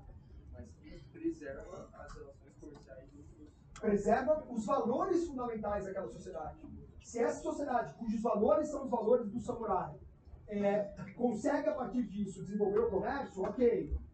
E aí é um problema, Paulo, você tem razão nesse caso. Se você tira esses valores, a sociedade tende a se desmembrar. Porque aqueles valores são fundamentais para aquela sociedade. E aí não faz sentido. Se você está construindo um Estado Nacional, se você está construindo um exército unificado, e portanto você está no processo de unificação daqueles caras, e não de desmembramento entre eles. Como você vai construir essa unidade entre eles se os valores que dão algum tipo de coesão a eles serão perdidos? Porque quem carrega esse valor é o samurai. Você tem que acabar com o samurai para poder construir o exército nacional. Mas como você acaba com o samurai sem acabar com o valor do samurai, que é o que eles têm em comum? E que, portanto, pode servir de base para a própria construção da unidade japonesa, que vai ser o Estado moderno com seu exército unificado. E era fundamental que eles tivessem isso para poder enfrentar o Ocidente, senão eles iam ser esmagados. Era isso que eles queriam se proteger. Então você tem que transferir o valor. Como você transfere o valor? Para quem você transfere o valor? Essa é a questão. A princípio você transfere valor para o imperador, para o novo rei, para o novo imperador. E aí, nesse caso, você estava falando do, do, dos velhos lá, do, dos é, shoguns e tal. É, eu acho que ele tá, eu acho que em algum momento ele está fazendo referência a esse imperador do estado já pós-Meiji, já com a Revolução Meiji, que é esse imperador que tem um papel mais de imperador de rei europeu. Acho que é aí que está ali a, a, a confusão. Mas é isso. Você transfere para o imperador. Certo? Você transfere esses valores para o imperador. Agora, só para o imperador? Não. Você precisa, mesmo que em escala menor, Bruno, você precisa transferir esses valores para outros agentes da sociedade. Você transfere para o imperador o valor do samurai. Ele é que vai dar a unidade do novo país que está sendo construído. Mas você transfere em escala menor para outros agentes da sociedade. Fala, Bruno. Porque assim, quando você vai transferir valores para Para o imperador. Como que o imperador vai passar, tipo, obediência, essas coisas, porque todo mundo obedece a ele, como que ele vai passar isso pro imperador? Sim, mas ele tem, é, tem boa, boa questão. É, não é que o imperador vai obedecer aos outros, é, mas o, o, o imperador vai estabelecer com seus súditos uma relação de obediência dos súditos, porque a honra do imperador está em jogo. Entendeu? Então ele mistura esses valores. Ele mistura esses valores. Vou dar um exemplo. Essa história aconteceu comigo. Falei que ia contar alguma hora essa história. Falei pra vocês. Vou dar um exemplo que aconteceu comigo, que eu vi isso acontecer. É, é só uma história besta, mas que talvez tenha um, uma relação interessante para a gente pensar essa sociedade, essa sociedade japonesa. É, quando eu era garoto, estava no colégio, é, eu era apaixonado por uma moça descendente japonesa que tinha na minha sala do colégio. Eu queria porque queria namorar com ela. É, e um dia eu tava quase assim, consegui, quer dizer, tava cercando a menina, né, tentando, né, quer dizer, aquele processo, tá certo? É. E, e um dia ela me chamou para uma coisa inusitada. Ela falou, ah, o que você vai fazer no fim de semana? Legal, né? Agora. Chegou o dia, né, cara? Aí eu, ela falou, você vai fazer no fim de semana? Eu falei, nada, é, vou sair com você, né? Porque, o que você quiser, né? Eu falei, então, vai ter uma festa lá na minha casa no domingo. No domingo, festa? Você não quer ir? Eu falei, mas domingo? Festa? Que festa no domingo? Eu falei, que horas? Ela falou, ah, tipo uma da tarde. Eu falei, então é uma festa, é um almoço, sei lá, né, de domingo. Eu falei, é, uma festa da família. Vai ter um churrasco lá em casa, tá, não sei o quê, você não quer ir lá? Aí, Eu achei estranho, né? Me convidar pra festa da família. Assim, mas vou, né?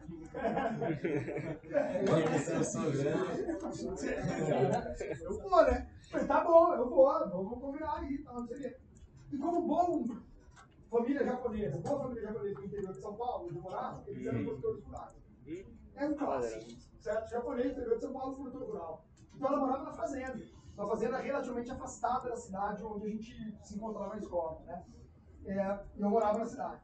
Eu fui na festa da família dela no domingo. Cheguei lá, só tinha a família dela e eu. Eu tinha um cabelo mais ou menos do ombro, certo? Que eu levantava assim, prendia aqui em cima e raspava aqui embaixo, assim. Eu imitava o... É, tinha uma coisa assim, mas eu imitava um cara que era baixista metálica na época, tinha um cabelo assim. Eu achava bem legal o estilo dele, então eu imitava.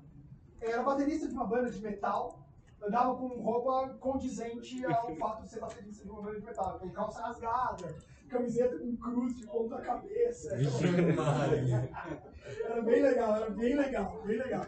Era esse o cara. Daí eu cheguei lá da casa dela, né? A calça rasgada no joelho, camiseta metálica, sei lá, qualquer coisa assim, Disney, alguma coisa parecida com essa. The Black Sabbath, não sei, cabelão, assim, né? Cabelão aqui embaixo, tal, eu prendia raspado, isso bem legal. Parecia o vô dela, o Dichan. O Dichan, que é o vô em japonês, Dichan. Descendentes japoneses podem me confirmar aqui. Dichan é o vô. É, Bachan, avó, Dichan, o avô. Aí chega o Dichan dela, tinha uns 90 anos de idade, cara, o velhinho. 90 ainda bem velhinho, bem velhinho, assim. Mal falar português. Chegou lá do tipo, quem é esse maluco? É festa de família, parece esse maluco aí. Cabeludo, tá perdido, né? Tava andando aqui na estrada, sentiu o carne e entrou. É, churrasco. Aí eu me apresentei, ela foi lá, me apresentou pro cara, não, estuda comigo, meu amigo na escola, tal, vô. Falou lá meio japonês com o cara, assim, o cara não entendia muito bem português, nem falava muito bem português. Aí ele perguntou pra mim, sempre com tradução de alguém, porque também não dá pra entender muito rápido. Ele perguntou pra mim, você estuda o quê? Como estuda pra quê? Assim, como assim estuda? Né? Fala mais aí. Aí eu falei, não, foi verdade, mas eu dei uma desperta. Era verdade, mas eu dei uma desperta. É, eu falei que eu queria estudar para ser professor, que eu estudava para ser professor. Eu já queria ser de fato professor, eu estava no começo do terceiro ano ensino médio, ou no final do segundo, que foi mais ou menos na época minha namorada.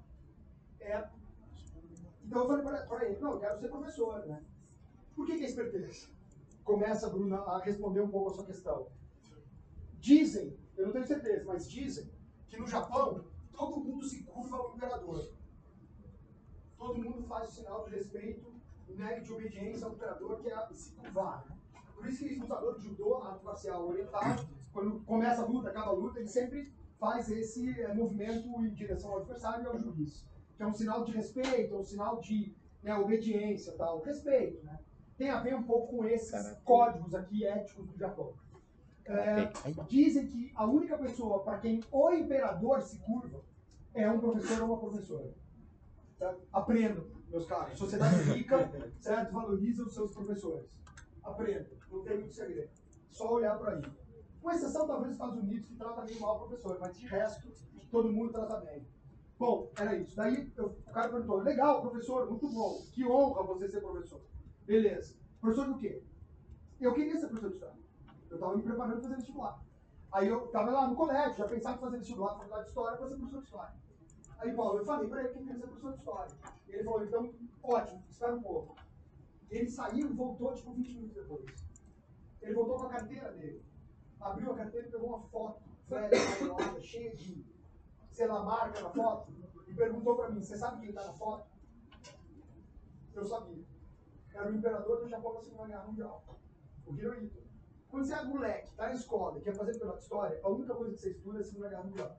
É isso. Então, trabalho de química, como foi aquilo, né, experimento da indústria alemã durante a Segunda Guerra Mundial. Trabalho de biologia, como foram os experimentos nazistas na genética.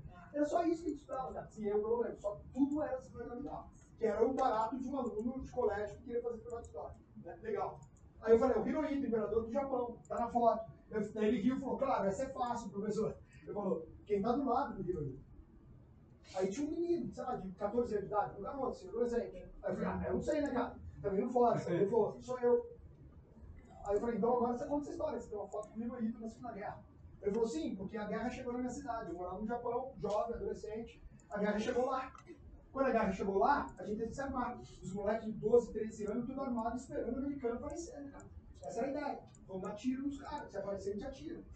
É, e aí um dia o imperador foi lá.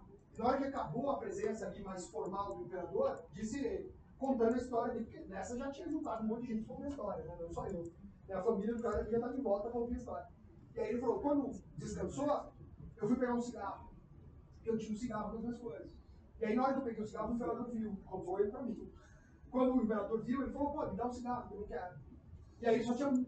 Ele falou, não, é seu, eu só tenho esse, pode ficar. Aí o imperador falou, não, não, não, faz o seguinte, acende, eu dou um trago e te devolvo. Ou seja, ele dividiu um cigarro com o imperador. Evidentemente, com 14 anos de idade, 13 anos de idade, evidentemente, todo o staff do imperador achou essa, essa história ótima e fotografou, e o cara guardou, e onde eu quero chegar? Ele guardou a foto dele com o imperador na carteira até morrer. Entendeu essa questão da hierarquia, dos valores, da honra, como você está construído de uma maneira diferente? Eu nunca tive foto da neta dele, que foi minha namorada durante dois anos, na carteira. Eu nunca tive. Fazer foto dela na carteira. Ele tinha foto do imperador, cara, lá de 1944. Sério, quando ele tinha 10 anos de idade, sei lá que idade ele tinha. Tudo bem? Talvez não 10, porque ele fumava, porque é um pouco mais velho. É 14, talvez. Mas é isso, ele tinha foto do cara e guardou até morrer. Entendeu que você transfere o valor e a posição que era o samurai, você concentra é, a imagem disso no imperador? É isso. Agora, você não concentra só numa pessoa, você concentra fundamentalmente no imperador. Porque ele é o imperador legitima o Estado. Mas você concentra também em outras pessoas, em outros agentes, que reproduzem esse valor. Por exemplo, os empreendedores, empresários, pessoas de negócio. Vocês entenderam o Yatara Mitsubishi? Yatara é o próprio samurai, cara. Olha o jeito que ele organiza a empresa, que o Casey conta essa história pra gente. Olha o jeito que ele gerencia a empresa. Certo? Tudo bem, Gabriel? É isso que eu estou querendo. Toda essa construção para falar o seguinte: o tipo ideal do Japão está institucionalizado pelos valores do samurai. É isso que nós vamos achar nas empresas japonesas. E sabe o que é louco? As empresas japonesas deram certo.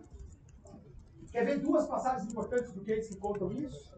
Duas ou três passagens importantes do Casey que contam isso. Primeiro, é, essa coisa do Yataro tem que se ocidentalizar. O Japão está se ocidentalizando. O que, que o Yataro falava para os funcionários dele? Se curvem ao dinheiro.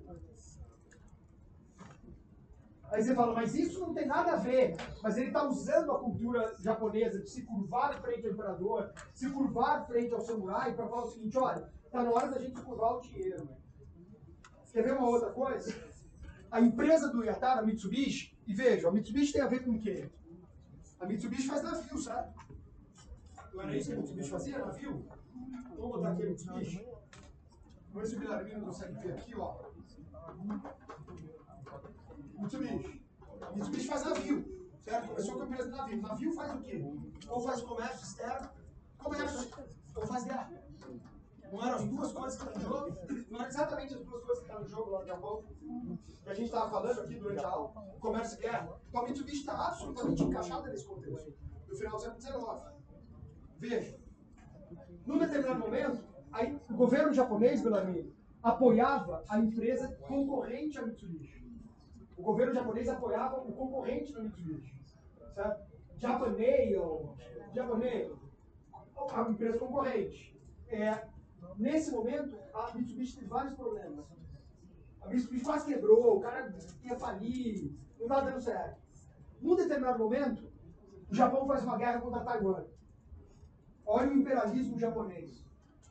O que é esse conta essa história? Que teve uma guerra contra Taiwan, o imperialismo japonês começando a aparecer. É, a Japan Mail, uma empresa lá concorrente à Mitsubishi, que era apoiada pelo governo, não quer ir para a guerra, se recusou a ir para a guerra. O que, que o, o cara da Mitsubishi Yataro fez? Eu vou. É claro, Paulo, que quando ele fala eu vou, é claro que quando ele fala eu vou para a guerra, ele está tentando ganhar o apoio do Estado. Porque ele sabe que esse Estado japonês, na mão do imperador, Estado moderno, está criando uma política que a gente chama de campeão nacional. Inclusive, tem um item do case que chama Yataro como campeão nacional, que é o Estado bombando, protegendo, estimulando alguma empresa que vai virar a referência da economia daquele país. O Estado estava fazendo isso com um concorrente da Mitsubishi. Ele sabe, portanto, que a oportunidade dele, dele virar Mitsubishi, Yataro, dono da Mitsubishi, virar o campeão nacional é se ele conseguir, naquele momento, que a concorrente que era protegida pelo governo se recusa a ir para a guerra contra Taiwan, que ele fala, então eu vou. É óbvio que ele está fazendo isso para ele virar o campeão nacional. E é exatamente quando ele vira o campeão nacional que ele vai ter capacidade de diversificar a produção dele. Para não ficar tão vulnerável só fazendo um navio, só um negócio. Ele diversifica os negócios dele de modo que ele vai criar a, um tipo de indústria que vai ser característico do Japão, que a gente chama de Zaibatsu. O que é o Zaibatsu? O Zaibatsu é o tipo de organização industrial que o Japão vai ter, muito característica, estou falando para vocês dois, é que a empresa faz um monte de coisa, mesmo que uma coisa não tenha nada a ver com a outra. A Yamaha talvez seja o Zaibatsu mais legal de te dar o exemplo. A Yamaha faz motor, tanto para barco como para motocicleta. A Yamaha faz piano. As baterias que eu queria ter quando era moleque tocava heavy metal eram da Yamaha, que eram sempre ligadas a bandas mais pesadas. Fala você, depois você. Então eu posso dizer que o, o Estado lá Japão seria um Estado forte que meio que não apoiava o, o monopólio, mas sim com uma forte intervenção nas Bombava as empresas. Bombava as empresas. Exato. Tipo política de campeão nacional. Certo. E outra coisa, certo que tinha um imperador na época, só que quem mandava mesmo não era o imperador, seria uma figura mais. Então, que era um pouco a conversa que a gente estava tendo lá no Shogun e tal. Depois da Revolução Meiji, o imperador é muito forte. Aí vai virar lá, lá, lá na frente o Hirohito, quer dizer, é um imperador mesmo, tipo um rei europeu, assim, muito forte. Antes, o imperador era mais fraco. Antes da Revolução Meiji.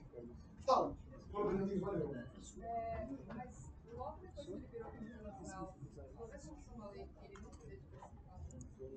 É, tem- então, para tentar forçar o cara, quer dizer, você ganha o apoio e aí você produz o que o Estado quer. Sem dúvida, mas ele ganhou tanto dinheiro com isso que isso viabilizou depois que ele diversificasse. Ah, sim, não, depois, é exatamente, depois que ele deixa de ser o governo nacional, ele troca o governo, depois ele vai salvar com isso. Desculpa, acho que eu falei muito rápido e não fiz a sequência toda. Na hora que ele aceita ir para a guerra, ele ganha o apoio do governo, ele entende, porque ele vai dar o apoio ao governo na guerra, e aí ele tem que se concentrar nos navios, porque é isso que o governo precisa. Mas aí o governo dá tanta força para ele, ele cresce tanto, que depois que ele perdeu o apoio do governo, que mudar o governo, ele vai conseguir usar todo esse apoio que ele teve antes para diversificar produção dele. Entendeu? É uma jogada. E aí ele cria o modelo do Zaibatsu, né? Ele cria o modelo do Zaibatsu. É, tem uma pergunta aqui, para a gente ir para finalmente. Se o Japão fez campeão nacional, política de campeão nacional, e a Mitsubishi foi uma dessas, porque veja, Paulo, só para completar essa informação aqui, é claro que ele vai para a guerra, e ele fala, ele dá uma declaração lá no case, antes de tudo meu compromisso com o Estado japonês, antes de tudo meu compromisso com o país. Depois eu penso na empresa. É claro, quando ele fala disso, ele está ocupando um espaço que a concorrente dele não ocupou. E aí é uma grande jogada dele para receber o apoio do governo e virar uma campeã nacional. É claro que ele está fazendo isso porque ele sabe que isso vai fortalecer a empresa dele. Mas ao mesmo tempo ele faz assim, ele faz isso, porque é isso que a sociedade japonesa espera. Entendeu? É o Rockefeller virando filantropo. É claro que é uma jogada de marketing do, do Rockefeller, filantropo, para aliviar a imagem dele que estava muito é, é, ruim lá nos Estados Unidos. Mas ele faz desse jeito porque é isso que aquela sociedade espera. Entendeu? Que mistura as duas coisas. Tem um valor envolvido e tem uma utilidade que o cara está usando é, é em favor dele. Está sendo utilitarista nesse sentido.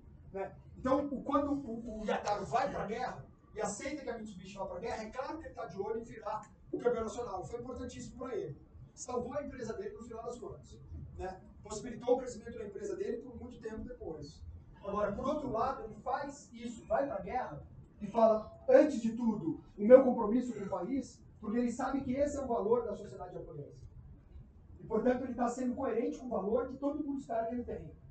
Tudo bem? Ele está reproduzindo isso. É, Tem uma pergunta sempre clássica.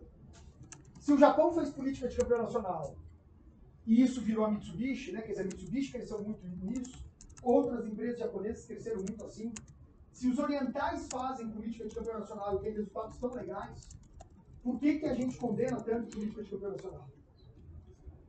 É, por que, que a gente condena tanto falando que vai ter corrupção, rent seeking, má alocação de recursos? É, eu acho que você tem razão. Quer dizer, Tem um livro aqui de um professor que era do INSPER, ele saiu agora, está fazendo uma pesquisa no Canadá, então saiu do INSPER. Mas ele talvez volte. É, ele tem um livro que ele fala mais ou menos o seguinte, ó, política de campeão nacional é sempre ruim. Tudo bem. Eu prefiro que não tenha política de campeão nacional. Eu prefiro que o mercado resolva. Eu prefiro que não tenha esse tipo de ação do Estado protegendo alguns setores, algumas empresas. Legal. Agora, dado que muitos países tiveram política de campeão nacional, por que, que alguns tiveram resultados bons, outros tiveram resultados muito piores? Entendeu? Quer dizer, no plano absoluto, eu prefiro que não tenha. Eu entendo o argumento do cara, é sempre ruim, é melhor não ter. Legal. Mas dado que a história mostra que tiveram política de campeão nacional, por que, que alguns resultados são bons e outros são ruins? E aí, Bruna, talvez isso seja a resposta da sua pergunta lá. Porque na hora que você cria uma política de campeão nacional no Japão, o valor que está em jogo são esses aqui. Então, na hora que o cara é beneficiado por uma política de campeão nacional do Estado, é uma desonra se ele não cumprir o acordo, se ele não pagar de volta, se ele não der resultado. Entendeu? É a honra dele que está em jogo. Portanto, é fácil cobrar para esse cara ser, é, fazer direito a essa, é, usar direito esse apoio que ele tem no governo. É fácil. Olha os valores que estão em jogo. Quando você faz no Brasil, não é esse valor. Quando você faz no Brasil, o cara faz tudo errado, pega o dinheiro, some e ainda fala, eu sou Sparks. Ganhei uma grana, fiz tudo errado, ainda fui embora e ninguém me prendeu. Mas, professor, Talvez eu seja candidato a presidente da praça. mas, professor, na última aula você também disse, pincelou um pouco que o Brasil também foi fundado um pouco sobre essa ética militar. É lógico. Não, o Brasil tem outra lá, tem outra ética. Do direito. É, não, do direito e muito da desigualdade, né? Do homem cordial, da desigualdade. Então, por que, que eu recebi o apoio do governo e virei uma campeã nacional? Ah, porque eu sou amigo do. Porque eu tenho privilégio. Lá não, é porque eu devo alguma coisa para a sociedade e para agora. Fala você e vamos para você. Aí então, vai pro Pedro primeiro, que eu acho que você pediu antes, eu boto pra ti. Vai, Pedro. Então, querendo ou não, essa política de campeão nacional acaba criando um monopólio. Claro, claro. Talvez ele pode defender a ideia de que não apoia essa política por possa criar monopólio. O Mas- professor Winston? É. Sim, claro, é isso que eu tô falando. Mas, ao mesmo tempo, se você faz uma política dessa de campeão nacional, Eita. você está criando assim, a identidade do país. Você fala do Japão, você lembra de umas empresas Foram grandes campeões que- nacionais. é, Tipo o Mitsubishi. É. É isso mesmo, é isso mesmo. Quer dizer, a grande, por isso que eu fiz esse desdobramento, Pedro, é exatamente pensando nisso que você está falando. Quer dizer, é, é melhor não ter campeão nacional, é melhor que o mercado resolva. Mas a gente teve campeão nacional em vários países. É, por que, que alguns têm resultados melhores do que outros? Porque os valores que sustentam essa relação são diferentes de país para outro. E esses valores japoneses são muito mais favoráveis a isso do que os nossos. Na aviação que é a Embraer. Perfeito. Eu não sei se todo mundo ao redor do mundo conhece ela e quando ouve Embraer relaciona ao Brasil. Mas seria um puta negócio se relacionasse. Sem dúvida. Podia ser um campeão nacional Dá uma brasileiro. credibilidade, dá Bem legal. Obrigado. Fala você e depois vamos para ela lá. Peraí, galera, vamos, vamos ouvir aqui, ó. Legal. Exato. Você tem toda razão. O que eu estou tentando fazer é o seguinte, que a questão institucional de política de campeão nacional, as regras, são muito influenciadas pelos valores culturais daquela sociedade. E aí os resultados são muito mais dependentes dos valores que estão envolvidos naquela sociedade do que do desenho mais formal da regra de política de campeão nacional. É exatamente isso que eu estou falando. Porque você pode fazer o mesmo modelo de desenho institucional da regra formal no Japão, na Coreia e no Brasil, e o resultado vai ser muito diferente. Basicamente, o que eu estou tentando levantar é que esses valores são muito diferentes. E aí o Japão tem uma situação mais favorável agora. Só que é um risco. Porque essa concentração, viu, Bruna, das- dos valores na mão do imperador pode virar uma ditadura. Tanto que o Japão vai virar uma ditadura. Então é o risco de virar uma ditadura. Não à toa o Japão está junto com a Alemanha lá na Segunda Guerra Mundial. As duas ditaduras. Então isso é um baita risco, esse modelo que eles fizeram é um baita risco. Porque você associa uma ética militar, concentra no Estado, o Estado negocia com as empresas, política de câmbio nacional, e as empresas incorporam esses valores na gerência, na administração. São valores bastante centralizados. Não são valores liberais. O Japão não é liberal. O, o elemento aqui não é propriedade e liberdade. O elemento aqui é honra. Muito diferente da Inglaterra, muito diferente dos Estados Unidos. Sacou? Então aqui tem o risco de virar uma ditadura.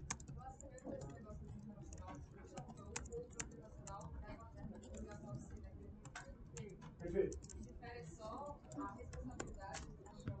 Os atores.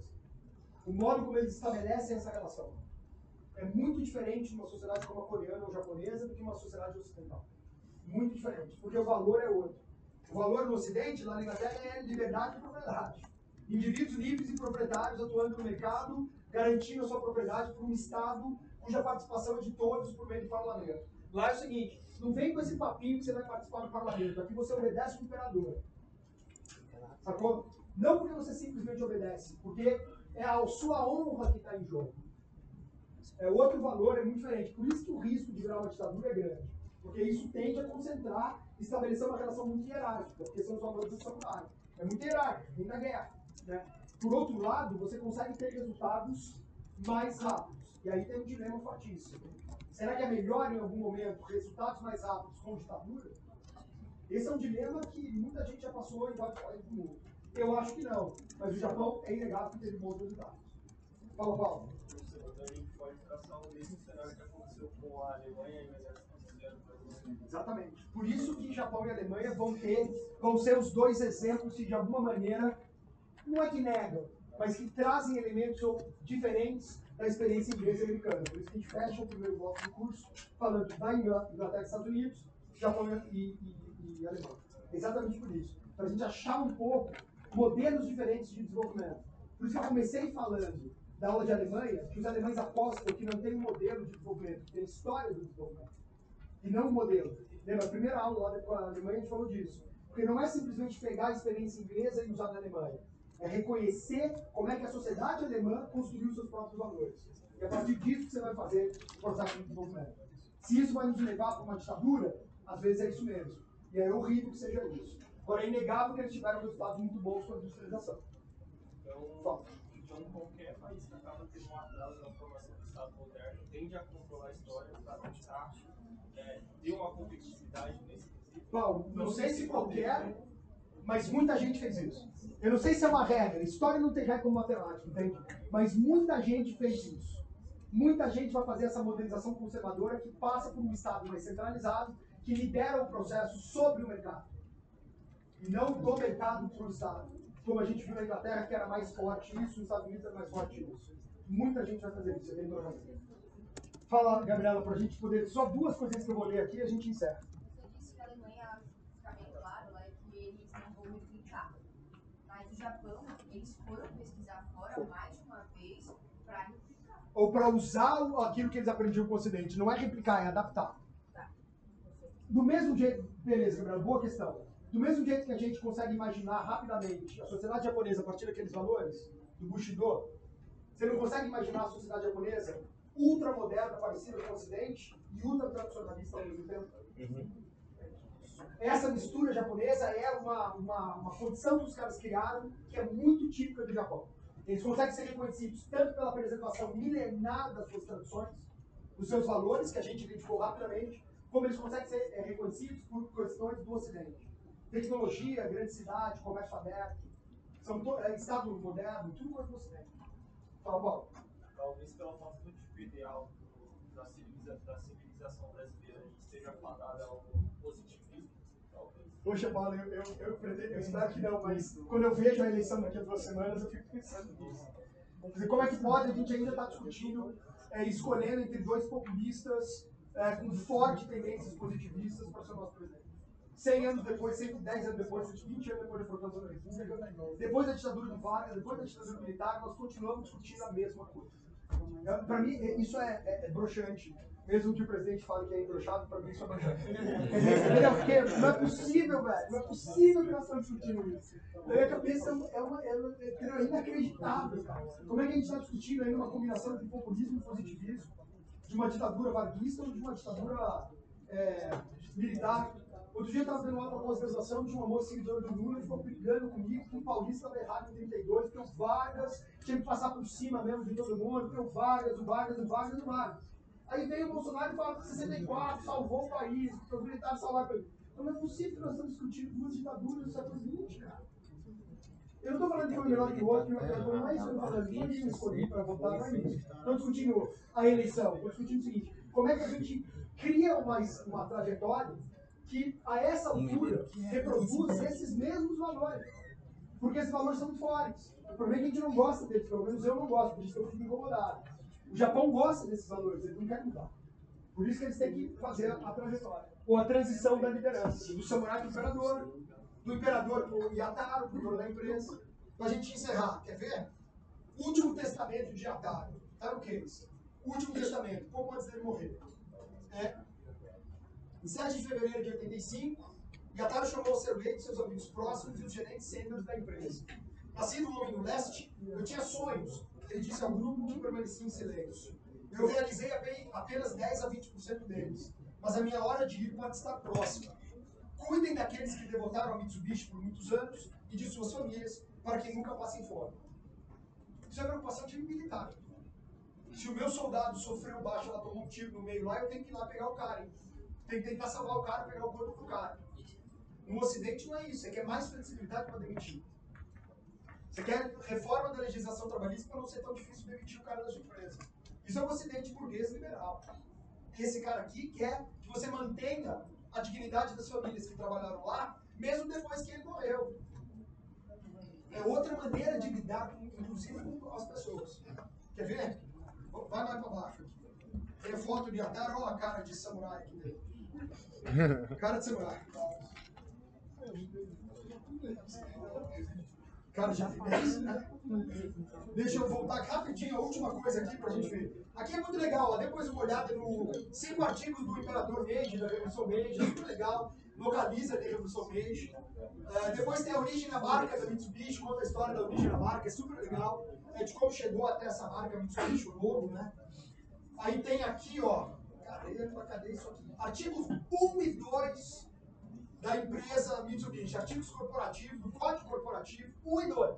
Os primeiros dois, certo? Abre o código corporativo, o livro de regras da Mitsubishi. Tá lá, primeiro artigo. Embora a Mitsubishi Trade seja uma entidade corporativa, deve ser rigidamente observado que este é inteiramente um negócio familiar. É totalmente diferente de uma empresa operada sob investimento conjunto por diversos acionistas. Não vem com essa conversa que tem outro cara aqui no parlamento da empresa tomando decisão junto com a gente porque ele comprou as ações. Aqui quem manda sou eu. É isso que ele está falando. Tá certo? Portanto, tudo que diga respeito a negócios e avaliação de desempenho da empresa deve ser aprovado pelo presidente. Olha a centralização militar aí, a hierarquia militar da empresa. Item 2. Portanto, concluindo, todos os lucros e perdas da empresa pertencem ao presidente. Quando lucro, quando der lucro é meu, quando der prejuízo é meu. Você é só o meu soldado, o responsável por isso aqui sou eu. Tudo bem? Entendeu? Aqui mistura honra com hierarquia, com disciplina, com imposição hierárquica de cima para baixo, com liderança tipo militar. Eu sou general, se meu soldado for batido, eu tenho que ir lá salvar o cara, pegar o corpo do cara. Não posso deixar o cara no meio da, batalha. Tenho que arriscar minha vida para fazer isso. Tudo bem? O tempo todo, essas misturas desses, desses valores. Tudo bem mesmo? Beleza? Roubei um minuto, mas tudo bem. Só queria ler isso aqui pra gente contar mais esses exemplos, tá bom? Sexta-feira, prova, para lá. Quanto mais